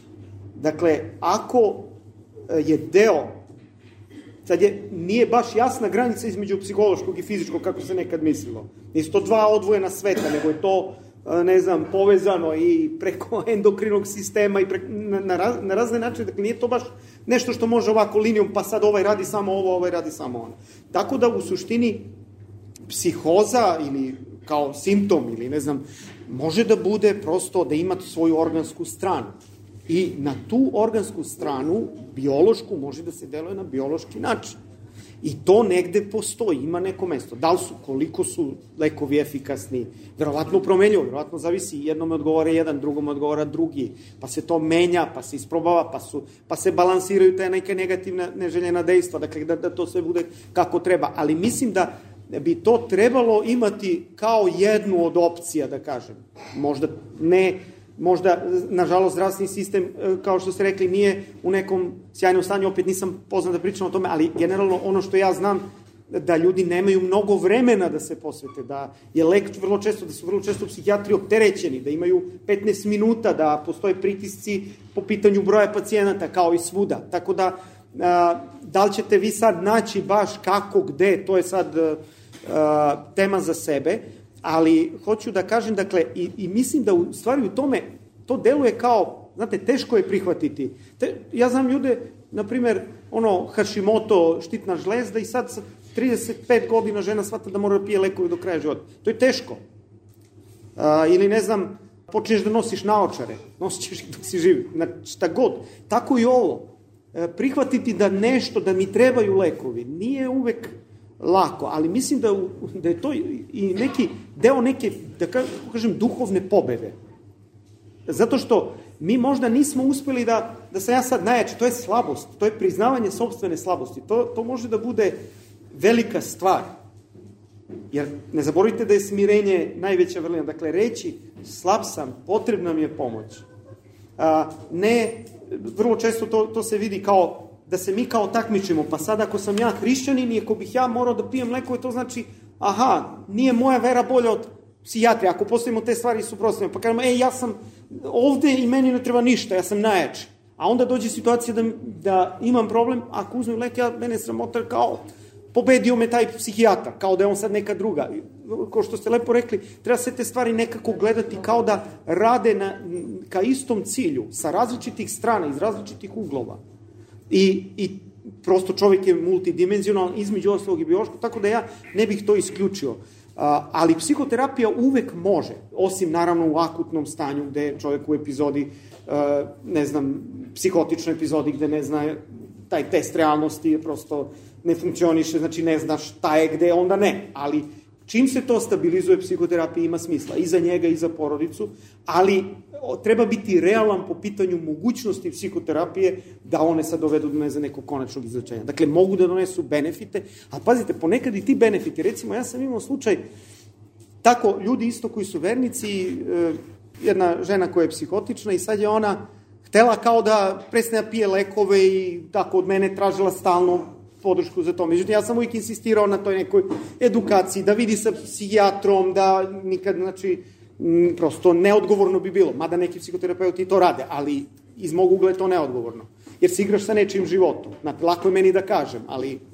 I, I desilo se u stvari da ta mlada žena je, zahvaljujući tome što sam sa njihovom porodicom pričao o tim, oni su prosto upoznali, priznali da imaju šizofreniju, oni to u stvari imaju porodično. Samo je to tajna, jedna od tajni koje se skrive, nikad se ne priča o tome. I onda kad smo to nekako razmotali, rasvetljali, prosto smo se naučili kako šta, desilo se da je ona ono tri dana nije spavala, kako neki krenula neka majka kaže to je to, e, psihijatar, lekovi i ona je izbegla da to eskalira. I sad to možda nije izlečenje, ali zahvaljujući toj nekoj spremnosti da se reaguje u tom trenutku, moglo je da ode nam, ko zna koju stranu, da, da napravi neki veći eksces. Ovako se to negde, psihijatar je intervenisao, to se vratilo, tako da nije, nije bilo tako strašno. Kako je možda moglo da bude da, da ne znam, da su oni kažu, ma šta mu je nešto nervozno, u stvari neće da priznaju da je, da je to to, teško im je da se pomire sa tim. Jer to je gubitak, u stvari, vi kad, kad kažete da je neko, to je gubitak, znate, ako vaše dete ima šizofreniju, postoji dobra šansa da neće biti uspešno na fakultetu, postoji šansa i da bude, ali možda, znate, to, to ljude, ljudi teško prihvataju. Tako da je deo psihoterapije u stvari ono što je okolo šizofrenije, možda ne baš sama šizofrenija, ali to je isto vrlo bitno. Vrlo bitno da, da se u stvari čovek, da kažem, izvuče maksimum da, iz života i da živi kvalitetno bez obzira na, to, na tu poteškoću koja ne mora da bude presudna i konačna i da ga omete potpuno u funkcionisanju. Vi ste završili psihologiju i edukaciju psiho, iz porodične psihoterapije i malo nešto iz transakcijone analize jedno tri godine. Ali ja nisam psihijatar. Mislim, to je sad e, zabuna ovaj, ljudi, znači, postoji psiholog koji je završio psihologiju, postoji psihijatar koji je završio medicinu pa specializirao i postoji psihoterapija kao posebna disciplina uglavnom sve zavisi od modaliteta, neki to smatraju da može da se odvoji, neki kažu da ne može, taj moj pravac smatra da može, pa, pa sam zato to završio, ali u principu ja sebe ipak više doživljam kao teologa, kao svešnika, to mi je, da kažem, primarna stvar, a ovo je kao neko dodatno znanje koje, koje sam, eto, smatram, na neki način proširio svoje vidike, ali ne, verovatno neću nikad biti ono psihoterapeut sa kancelarijom gde piše psihoterapeut, nego sam uvek negde u nekom tom crkvenom kontekstu, ako je moguće. Inače, psihoterapeut kao zvanje i ne postoji. U suštini to je sertifikat za psihoterapiju. Psihoterapeut zvuči malo pretenciozno u smislu da ja lečim psihu. Ja ne lečim psihu, nego razumem se u proces koji se zove psihoterapija, u tom procesu se duša leči na različite načine, ali više radom tog klijenta nego nekim mojim, da kažem. Ja, ja sam stručnjak za proces ekspert za proces, on je ekspert za svoj život. Tako su prilike postavljene stvari. Dakle, ne, psihoterapeuti ne daju gotove savete šta ti da radiš sa svojim životom, nego možda postavljaju prava pitanja, recimo. Sledeće pitanje. Da li smatrate da šizofrenija paranoja može da se leči samo lekovima? Da li je neophodno da se tokom celog života piju lekovi ili je ona, da kažem, može da se izleči samo uz pomoć Božju, uz pomoć Božju. I zašto se sveštenici više ne aktiviraju u bolnicama, da, pošto sam imao tamo drugove koji su imali problema i koji su tražili, i uglavnom što ste rekli, verujući ljudi su mnogo brže nalazili izlečenje, mnogo brže su svoji, e, mnogo su brže izlazili iz bolnica, dok oni koji nisu bili verujući, mnogo je teže to išlo. Ali sveštenici, dolazio sveštenik otac Jovan da služi, međutim on je služio samo na sudsko, niko nije mogao sa primnom muškog da ide na liturgije, oni to ne dozvoljavaju, a čitao sam u knjigama da je e, bolesnicima potrebna pomoć duhovna i kao što je svakom bilo potrebno. Pa eto, ja praktično ovo prethodno o čemu sam pričao bih ponovio sad. Da, to je to. Da. Znači, ja evo, mislim, doktor je tu, pa možda je bolje da on to kaže, e, kako on to vidi, ja evo već sam rekao, znači ja mislim da psihoterapija ima smisla, vera ima smisla, ali ima i psihijatra. Znači, ne bih išao na to samo ovo, samo pomoć Božja. Jer znate, kao onaj, znate svi onaj vid su mu i Hasi kad kaže tri puta sam se, ne znam, molio da mi izvučeš iz jame. A Bog mu kaže, pa ja sam ti slao Hasu.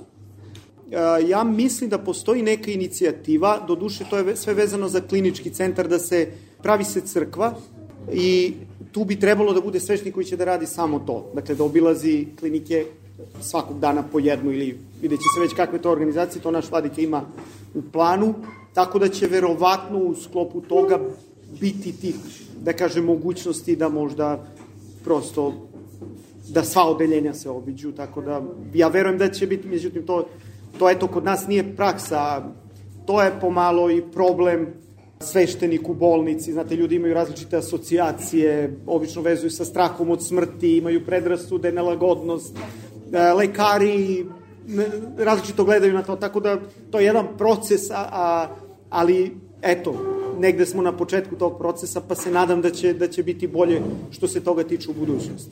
Dobro. Da li ima još neko nešto? Pita? Postoje klinička pravila. Ako čovjek ima jednu krizu, kliničko pravilo je dve godine treba najmanje da uzima lekova. Ako ima dve krize, pet godina. Ako ima tri krize, smatra se doživotno. Ali to su opet pravila koja nisu, da kažem, nekakve, nekakve rigidne stvari, odnosno zavisi od toga kako se čovek osjeća. Psihoterapija je uvek pratilac. Socioterapija i psihoterapija svakog vida lečenja. Naravno da je vera isto tu oslonac ogroman. Izvolite. Razlika između đavoimanosti i psihičkog obeljenja. Da. Pa evo, ja bih zaista voleo da i e, doktor kaže svoje mišljenje, zato što zaista ima kliničko iskustvo sa, sa da kažem, ozbiljnim psihijatrijskim diagnozama koje meni nedostaje. Ali ja, recimo ovako iz nekog više teološkog ugla kako gledam na te stvari, to ne mora da bude ili ili. Znači, može da se, prosto da se posmatraju kao dve različite a, strane iste stvari ponekad. To je recimo jedna mogućnost. Znate, moguće je da su ljudi u stara vremena sve psihičke bolesti smatrali za neku vrstu djavoimanosti. Pa evo spomenuli ste manastir uh, Svetog Romana, tamo ima jedno mesto gde su vezivali Mislim, šta su drugo znali? Tako da, ja bih to tako gledao, ne bih delio. Čovek treba da radi ono što, sa obe strane, ono što je na korist, da kažem, jer, i da mu se pročita molitva i da neće ništa da škodi, ali dokle god ne isključuje uh, ono drugo što, mo, što je možda isto bitno. Znači, mislim da ne moramo da odlučujemo. Do duše, ima jedna zanimljiva knjiga, čuli ste možda Put kojim se ređe ide, to je bio bestseller jedno vreme, ali isti autor ima knjigu Ljudi laži o zlu, gde na moje potpuno iznenađenje on govori o, o obredima Jest, egzorcizma, egzorcizma psihijatar, da. gde je on prisustvovao tome i gde ja zaista, s druge strane, nemam ni to iskustvo, nisam sveštenik, nisam čitao molitve, ali eto, ja nekako gledam na taj način. Znači, zaista su zastrašujući ti slučajevi, i ja, ali ja, recimo, ne znam, evo, baš bih volio da čujem doktora, da li vi možete da kažete za neki slučaj da deluje kao da povučite granicu i da kažete to je djavo ima ovo, drugo nije ili Pa, kako, kako razmišljate? Nemam, nemam takvo iskustvo, ali teoretski, uh, ako je ja dovoljno razvijeno, onda bi mogli da kažemo, ako je obuzeto nečim, da je ovaj, posebnutost. Ako je ja nedovoljno razvijeno, onda ćemo pre da razmišljamo o tome da su nekakvi psihički sadržaj preplavili to ja. Odnosno, ceo ljudski razvoj je jako komplikovan, odnosno razvoj našeg ja ide od nekakve stopljenosti sa nekakvom većom celinom koja je jastvo. Moja unukica koja ima sad godinu, malo više od, blizu dve godine u stvari, ona je opčinjena crtanjem lopte. Ona ne zna da govori, ali tu loptu govori nita. I to je u stvari nekakvo naše suštinsko središte od koga se naše ja lagano odvaja. Koliko će to ja da se odvoji, zavisi od, da kažem, sazrevanja. Kad ja nije dovoljno odvojeno, to ja biva preplavljeno sadržajem te, te, odnosno tog našeg središta i to je psihotičnost. Šta mi tu treba da radimo? Ovo što ste ispričali priču o ova dva monaha, gde su obojica dobili tu epitimiju koja služi da razvija ja. Ako ja nekoga mora da služim, ja mora svoje nekakve, odnosno ja time razvijam ja. Kako razvijamo ja? Aktivnošću.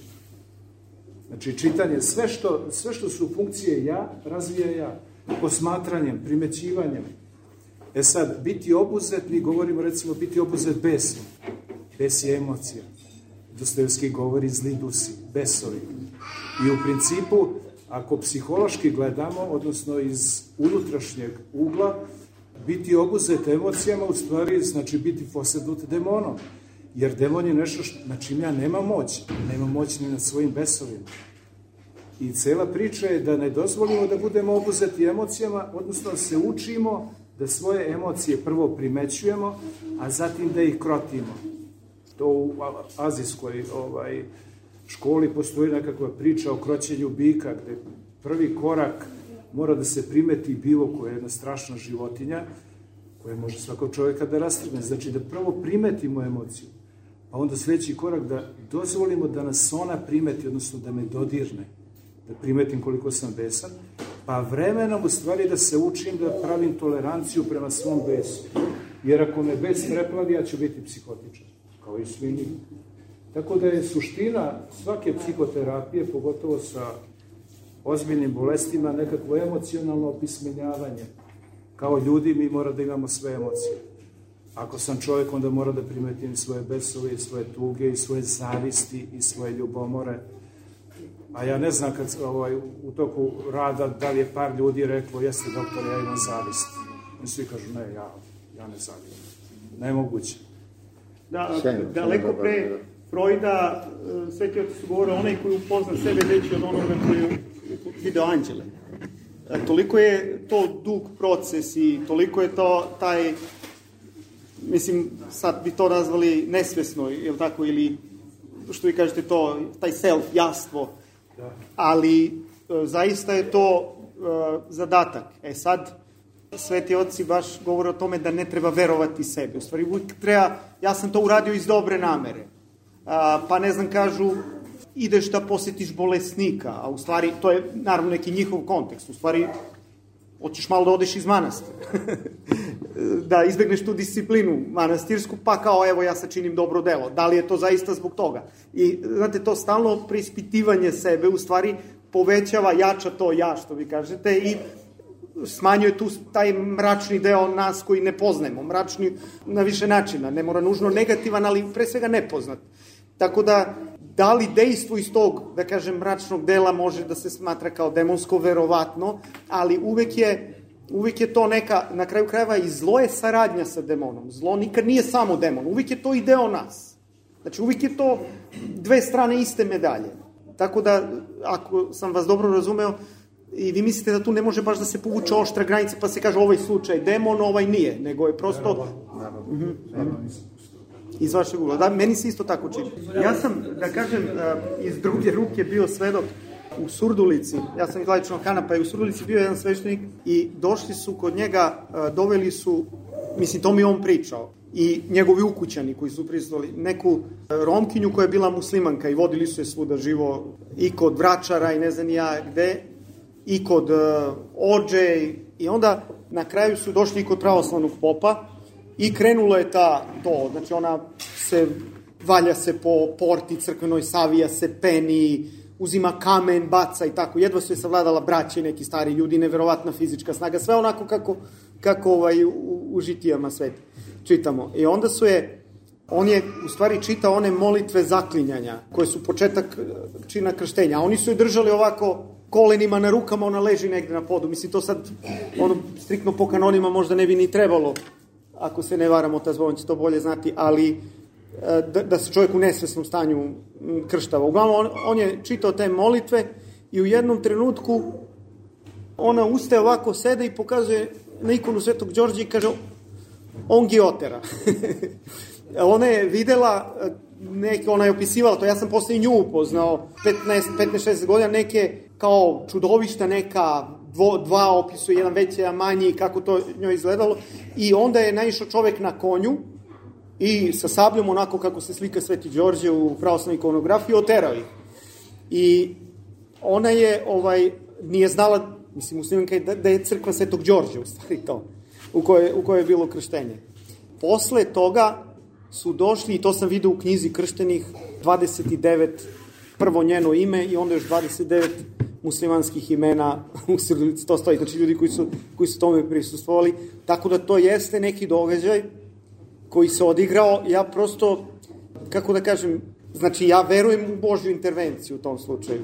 I zaista je nekad, mislim, i, ta, i to, to delo je zastrašujuće, kad vi vidite, ali delo je, pazite, i, kažu da i klovn delo je zastrašujuće. Čim je nešto izvan okvira, čim je nešto nepredvidivo, ne znate šta može da se desi, to, to nas sve plaši, jer nemamo ne znamo, prosto ne znamo protokol, ove će čovjek da iskoči, nešto će da uradi što niko ne očekuje. Tako da ima to sad, to što se mi plašimo i tumačimo kao djavojmanu može da bude do nas, ali u svakom slučaju eto tak, takvi neki događaji zaista pobuđuju na, na, na razmišljanje. Ja kao hrišćanin verujem da postoji taj duhovni svet, tako da treba da radimo sa svih strana sve što se može. Da ona je, eto, recimo ja tad kad sam nju video, to je bilo možda dve, tri godine posle toga, ona je bila skroz funkcionalna, nije bila lekor u tom trenutku. Ali šta je bilo kasnije, ne znam. Imao sam s druge strane i slučaj jedne prijateljice koja je u srednjoj školi koja nije pila lekove, sve do ne znam neke 38. 9. A onda je, onda je posle se vratila u stvari, a bila je priča da ona je sve vreme bila ubeđena da, da je to nekom greškom bila na psihijatriji, da je međutim, tako da ima tu sad, prosto treba da koristimo sve resurse, eto, to bi možda bio neki zaključak. Moj. Dobro, dobro. Hvala svima na pažnji. Evo još jedno pitanje. Moje pitanje bi sticalo sociološkog konteksta uloge crkve kada je reč o nauci, a eto konkretno o psihoterapiji, e, psihologiji i psihijatriji.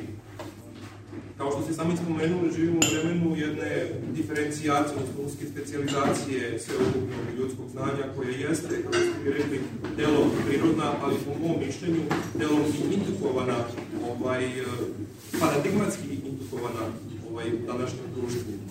I shodno tome, brojni su sociolozi, ali i filozofi pričali o jednoj vrsti uh, otuđenja ljudi od znanja i lakše kontrole ljudskog društva kada vi njemu oduzmete to neko esencijalno znanje. A tako, na primjer, Michel Foucault upravo govori o psihijatriji kao nekoj vrsti, da ona postaje u savremenom dobu neka vrsta inkvizicije zdravlja, odnosno dobrog ljudskog stanja, odnosno da ona propisuje ta načela ljudskog znanja i samim tim prisvaja za sebe taj monopol čime se postiže kontrola društva.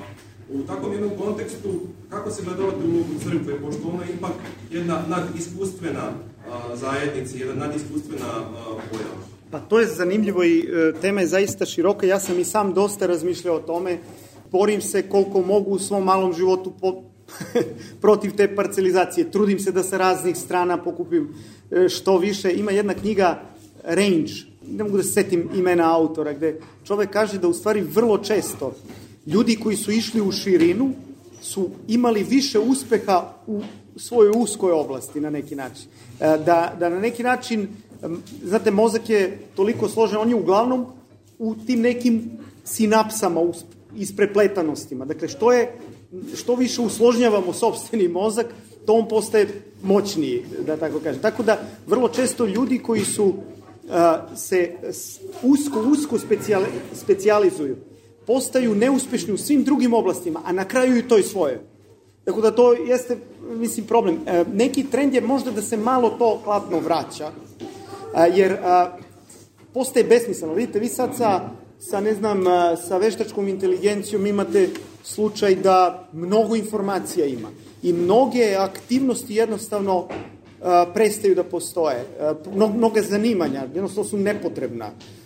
I sad, kakav to efekt ima? Onda kvantitet prestaje da bude bitan, a postaje kvalitet bitan.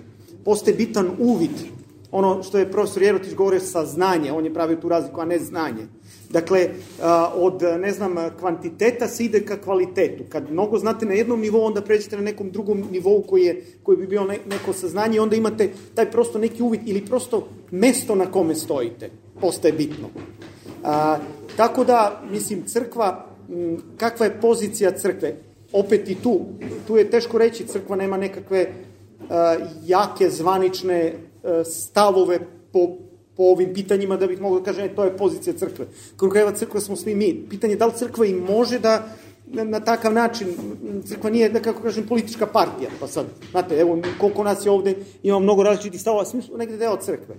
A, tako da je to, mogu, pre bih govorio kako ljudi u crkvi gledaju na to. I sad tu imate možda neke vrlo često, kako da kažem, da a, jedna od a, karakteristika crkve u tom nekom postmodernom društvu, jedna, jedna opcija jeste da crkva bude jedna od ostrava, pošto je razbijena ta velika, to veliko ogledalo istine, ta veli, velike priče su nestale, nema ih više, a, kao veliko ogledalo, pa sad u svakom a, deliću ogledala se vidi deo istine. To je neka postmoderna situacija. Dakle, da crkva, jedna, kažem, od opcija jeste da crkva bude jedno od tih ogledalca.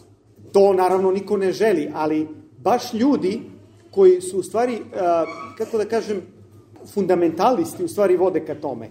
Jer fundamentalizam je u tom smislu isto jedno od ostrva. Znate, imate malu grupu koja se ograniči i koja ima neku, neku svoju internu priču, rečnik, sisteme vrednosti, gde je propustljivost u odnosu na drugi, propustljivost tog sistema ka onome što je izvan tog sistema vrlo mala, vi dobijate u stvari, u stvari tako nešto, iako deluje suprotno, ali, ali u stvari je to.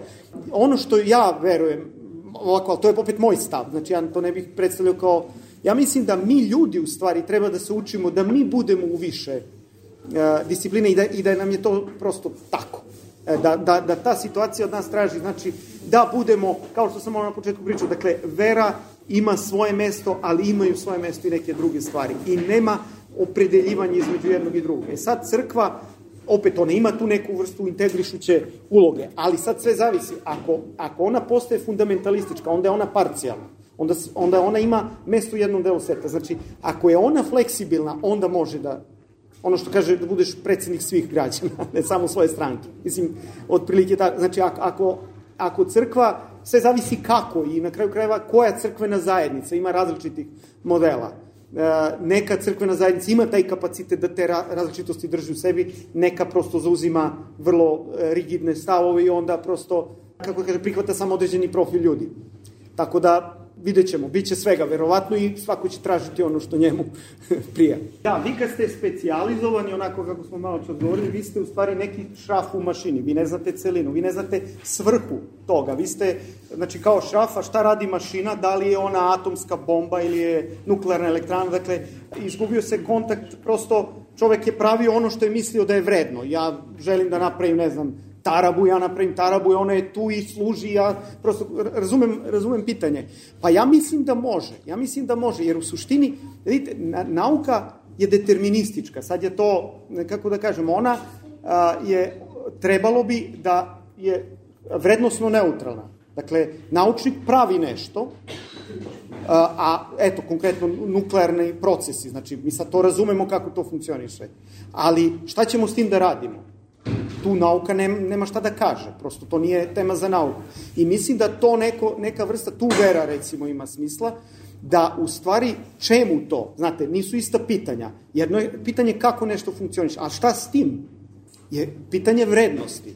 Dakle, crkva, vera uopšte kao neko, mislim, institucija koja se bavi vrednostima, ali kažem, to opet na ličnom planu, ne na negde tamo na nekom uh, skupu koji će da izda neki dekret, nego prosto to je zadatak svih nas, da u stvari mi osmišljavamo svoj život, da mu dajemo vrednost i da, i da to kontrolišemo. I pomalo je popularnost naučnika je u stvari stvorila opasnost da, da on u stvari prevazilazi granice svoje kompetencije. Znači, on, moja kompetencija je nauka kako stvari funkcionišu. Ali čemu te stvari e, izlazi iz domena nauke. Međutim, to je teško, znate, to, ta razlikovanja metodološka u stvari traže vrlo razvijen intelekt. Jer većina ljudi kaže, pitanje, ne znam, ko je, uh, ko je stvorio Boga? Ko je stvorio čoveka? Ili postao od majmuna? Ili, to, je, to je uvijek ili ili. Za većinu ljudi. Teško je to razumeti iz više aspekata, iz ovog ugla, kad krenete od ovih pretpostavki, deterministički konkretno, nauka, recimo vi kad odete kod automehaničara, vi očekujete da kako je nastao kvar, on će kaže tako i tako. Uh, šta treba da se uredi da se popravi to? Ako on kaže, e, pa, ne znam, možda si nešto grešio, pa je, pa ti otpao branik, vi ćete ga zaobilaziti u širokom luku, takvog majstora. Znači, a, naravno, to, taj isti događaj može da ima i neku drugu, drugo neko simboličko značenje u nekom širem kontekstu vrednosti i vašeg života. Ili drugi primjer, kažu, a, stavite ono džezvu sa vodom i ona ključa. I zašto voda ključa? Jedan odgovor je zato što ringla greje džezvu, džezva greje vodu, kad se temperatura podigne do 100 stepeni, kreće isparavanje, stvaraju se oni klobuci i, i voda ključa. Ali drugi odgovor je ključa zato što spremam čaj. Hoću, treba mi za čaj. Mislim, jednako legitiman. Iz drugog nekog ugla. E sad, to je, to je sad što taj deterministički, da kažem, što ljudi očekuju stvari od nauke, da ona da sve odgovore i oko toga šta treba sa životom da se radi, dok ona to, to ne radi. Zato ja mislim da je recimo psihoterapija, konkretno nova filozofija, Znači ono što je antička filozofija bila, ja mislim da je to psihoterapija. Jer akademska filozofija je negde na univerzitetu.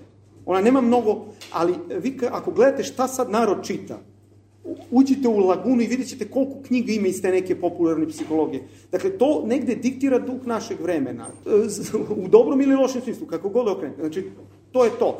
I mislim da je bitno, ja, eto, zato sam izabrao da se bavim time, da u stvari mi kao hrišćani koji imamo neku svoju varijantu filozofiju, uslovno rečeno, budemo u dosluhu sa tim. Kao što su sveti oci stvorili hrišćansku teologiju tako što su biblijsku, jevrejsku veru interpretirali u, kore, u kontekstu savremene a, a, grčke filozofije. I taj spoj jevrejske, biblijske vere i grčke filozofije u stvari teologija. I dok su to radili, bio je zlatni vek hrišćanske teologije. Tad se najviše pisalo, tad se najviše stvaralo. Tad su nastali i ovi simboli koje danas imamo. Sva velika dela su nastala iz tog kreativnog oplođavanja dveju stvari. Jedna, jedna od projekcija budućnosti crkve jeste i teologije da mora da bude multidisciplinarna ako, ako hoće da ima bilo kakvu relevantnost. U po više smisla multi, multikonfesionalna, multidisciplinarna, ne znam, da, da, da pravi te neke mostove i tako. Tako da ja verujem da to može, kažem, da li će biti, verovatno hoće, delimično, ali uvijek će biti različiti. Mislim, ljudi ipak biraju po nekim svojim ličnim preferencama i tako to idu i, i ti globalni tokovi, teško je, teško je to zaista predvidjeti. Vidjet ćemo. Nije on govorio o duhu svetskom, nego govorio o otvaranju crkve za ovaj svet. A to nam je preko potrebno, jer mi o ovom svetu svedočimo. A ako gledamo o projekciji crkve za budućnost, moramo da se vrati na ono šta crkva jeste. A crkva jeste uvek u pokretu. Dakle, nije crkva u istoriji, u prošlosti, nego ono što crkva jeste zaista u budućnosti. Carstvo Božje koje ukuplja sve, koje sabira sve, celokupnu tvorevinu. Iz te perspektive vreme pluralizma je mnogo bolje i mnogo ovaj, veći izazov za crkvu da pokaže šta jeste, negoli određeni oblici postojanja u istoriji. Da li crkva progona, da li crkva carstva, sada je pravo u stvari vreme za crkvu da pokaže šta u svojoj suštini jeste. Jer imaš napokon u slobodu koji na neki način nisi nikada imao. I da pokažemo zaista šta jesmo. E, a mi imamo problem što sada crkvu plasiramo dakle, na tržište u da. kategorijama konzervatizma i istorijski prevaziđenih formi. Da, ali, e, I zato smo neuspešni. Zato što recimo u vreme apostola, isto je bilo pogodno vreme iz drugog ugla, zato što je bila jedna imperija gde se govorio jedan jezik, grčki jezik. Pazite, bez tog, bez tih preduslova, ne bi bilo moguće da se za par decenija hrišćanstvo toliko... Ja o, da, da, da. situacije... Ne, ne, razumem, razumem, nego hoću da kažem, i danas treba da radimo ono što su radili oni. Sad imaš slobodu, tad baš da. nije bilo tako. Da Ali šta, je, šta su radili apostoli? Recimo imaš primjer apostola Pavla, kad ode na Areopag, brdo Atinsko, gde su filozofi tako okupljeni. On, dok je video njihove idole, kaže, ne znam koja je reč, ražesti se duh, uznemiri se duh njegov ili da, tako da. nešto on je to, to je u njemu bilo. Uglavnom, on kaže, počinje govor ovako, kaže, ljudi atinjani, po svemu vidim da ste veoma pobožni. Znači, on njih hvali. Da. Znači, on traži ono što je dobro u njima. A, po svemu vidim, jer kaže, gledajući ove spomenike vaše, oni su bili mnogobožci, raznim bogovima, našao sam jednog boga, e, jedan spomenik na kome piše Nepoznato. Bogu nepoznatom. E, tog Boga vam ja propovedam. Dakle, taj stav je stav misionara. Taj stav osvaja svet. Stav koji deli nas od njih, mi smo svi dobri, oni su svi loši. Ne funkcioniše. Tako da, to je, to je sad, gde je, gde, se, gde je granica između dobra i zla? Nije između Srbije i Hrvatske, nego je u mom i u tvom srcu. Znači, u tebi i u meni postoji dobro i zlo koje se bore. A ne ne znam, mi smo dobri, ovi su svi tamo loši preko neke linije. To je, da kažem, neka vrsta e, zrele spozne. I to govori apostol Pavle kad kaže naša borba nije protiv sila ovoga sveta. Ako sam duh ima podnebe se... Da, znači, duhovna borba. Da tako, dakle, to je, to je glavna borba. Zato prihvatanje... A, a ta duhovna borba je borba protiv podeljenosti koje nameće čovek na različite načine. To je mnogo da, bitno Jedna od definicija, recimo, Svetog Maksima ispovednika jeste da čovek u stvari treba razne Podeljenosti da prevaziđe. Da. Podeljenosti da prevaziđe. Znači da je, da je to u stvari cilj, pa ne znam, podeljenost na muško i žensko, podeljenost na prijatelji i neprijatelje, recimo. Jer gospod kaže, ljubi neprijatelje svole. Znači, to, je, to su... A, a čitanje iz poslanice Kološanima ovih dana i danas ovih dana, kaže, nema, kaže, vaš je život skriven u Hristu. Otkriva se u novorođenom spastilju Hristu. A u njemu nema, kaže, roba ni slobodnog, skita, ni e, Grka, e, muško ni žensko, vi ste svi jedan novi čovjek u Hristu. E, taj novi čovjek u Hristu, o kome sada pričamo, jeste upravo taj čovjek koji obuhvata ove različitosti i uvažava ih. Sveti Vasilije Veliki je recimo kao mlad išao u Atinu da se školuje, da uči filozofiju, da uči nauku svog vremena. On je iz Kesarije Kapadokijske, znači to je u Maloj Aziji. Možete misliti koji je poduhvat to u ono vreme bio. Prvo koliko je to koštalo. Znači to ti je kao sad da, da pošleš dete na Oxford. Mnogo. Znači 30-40 hiljada evra godine, recimo. Zašto je on to radio? Pazite, neko će reći, pa bio je mlad, pa je posle došao hrišćan. Postao hrišćanin, pa odbacio filozofiju. To su obično neke interpretacije e, kasnije. Međutim, on a, potiče iz jedne izuzetno pobožne porodice. Njegova baba Makrina je bila učenica Svetog Grigorija Čudotvorca. Imali su mučenike u porodici. To su ljudi koji su više generacija bili hrišćani i u vreme gonjenja i oni odlučuju u tom trenutku da svoje dete šalju u Atinu. U tom trenutku. U, da uči svetovnu nauku. Zašto? I pazite, nisu oni to učili s prezirom. A, oni su to zaista voleli. I u tome jeste uspeh. Oni su to zaista voleli i ta sinteza koju su napravili, oni su s ponosom učili to što su učili. Dakle, mi to sad tumačimo kao to su oni nekako jedva na jedvite jade. Onda kada te svet odbacuje, ti ga iznutra preobražavaš. E, takav pristup je u stvari doveo do toga da je hrišćanstvo osvojilo sve. To je pristup koji, koji pije vodu. A ako se budemo prosto povlačili i zatvarali, ako mi ne razumemo svet, neće ni on nas. To je... Ljudi traže brze odgovore na teška, na teška pitanja. Posebno mladi ljudi. Žive u sekularnom svetu, ne idu u crkvu, imaju potrebu za Bogom. Sa druge strane, neće da priznaju da imaju psihološke probleme, ali traže isto rešenja kroz knjige, klipove na internetu. Na internetu mogu da se nađu klipovi gde psihijatri, psihoterapeuti, psiho, psiholozi a, a, pričaju o a, svetočačkim pričama, odnosno o biblijskim pričama a, i analiziraju ih. Ali uglavnom kroz dogmu katoličke crkve i protestantizmu. Mm.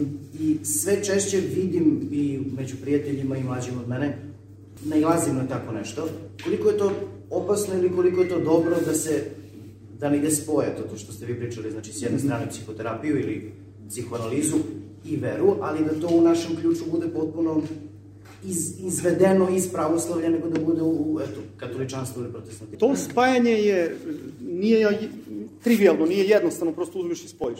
I tu mogu da budu problemi, da kažem, mislim sad da, da ne idem u detalje. Samo izvinite, ako samo mm -hmm. mogu da vam dam jedan primjer mm -hmm. zašto mislim da je to opasno. Kad god pričam sa ljudima koji sebe smatraju ateistima, a ovde su naši su, uh, kad ja kažem da idem u crkvu, oni obično crkvu vezuju za nešto što nema veze sa našom crkvom, to je recimo inkvizicija. Mm -hmm. Razumete? Za, iz prostog, iz prostog da. razloga što uh, su zasićeni kulturom koja dolazi da, da, da. Iz, iz tog dela sveta. I onda ne pa jeste ili kažu sveto trojstvo. Ili kažu sveto trojstvo, tako. Da. I onda ne razumeju šta je pravoslavlje, a e, pokušavaju da nađu odgovor na pitanja tako što kroz, kažem, taj drugačiji ključ i dobijaju odgovore. Koliko je to i dobro ili loše, to je samo. Pa nije, Oni... rimokatolička crkva nije inkvizicija. To što se tamo dešavalo, dešavalo se kod nas mnoge loše stvari. Znači, to ne treba identifikovati, to je prva stvar. A sa druge strane, vrlo je bitno shvatiti da i rimokatolička crkva i tradicionalne protestantske zajednice i pravoslavlje jesu hrišćanstvo. Dakle, to nisu sekte i crkva, kao što često puta plasiramo. Oni i tekako imaju elemente crkvenosti. Ne možeš da kažeš za svaku protestantsku zajednicu, naročito za one koji ovaj, odstupe od simbola veri i tako dalje. Ali ne treba biti tu isključiv. A, a kad je u pitanju psihologija i psihoterapija, tek tu ne treba biti isključiv. Pa jedan Karl Gustav Jung, protestantska tradicija, a naj, naj, najplodotvori, najsjeni, pa Vladeta Erotić, njegov, njegova škola, njegov učeni, što se kaže, a pravoslavni. Tu smo čak naprotiv, možda kažemo mnogo jedinstveniji, nego li kad je u pitanju nešto drugo. Ali to je problem e, generalni, znači to nije problem, e, ljudi kažu pokora, ne znam, prosto više znaju o veri iz filmova nego iz, iz svoje crkve, ali to je problem koji kako da kažem, nije vezan za psihoterapiju, nego generalni problem. I tu bi dobro bilo, jedan od razloga zašto je tako, možda i to što mi nismo dovoljno orijentisani na, na to da ljude učimo. Znači, e, gde će čovjek da čuje?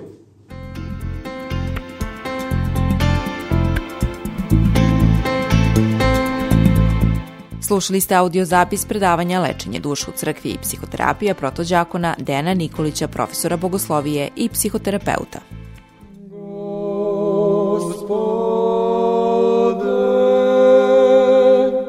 ti koji gledaš u srce čovečije. Emisija posvećena duhovnim vrednostima. Pirk na Radio Glas.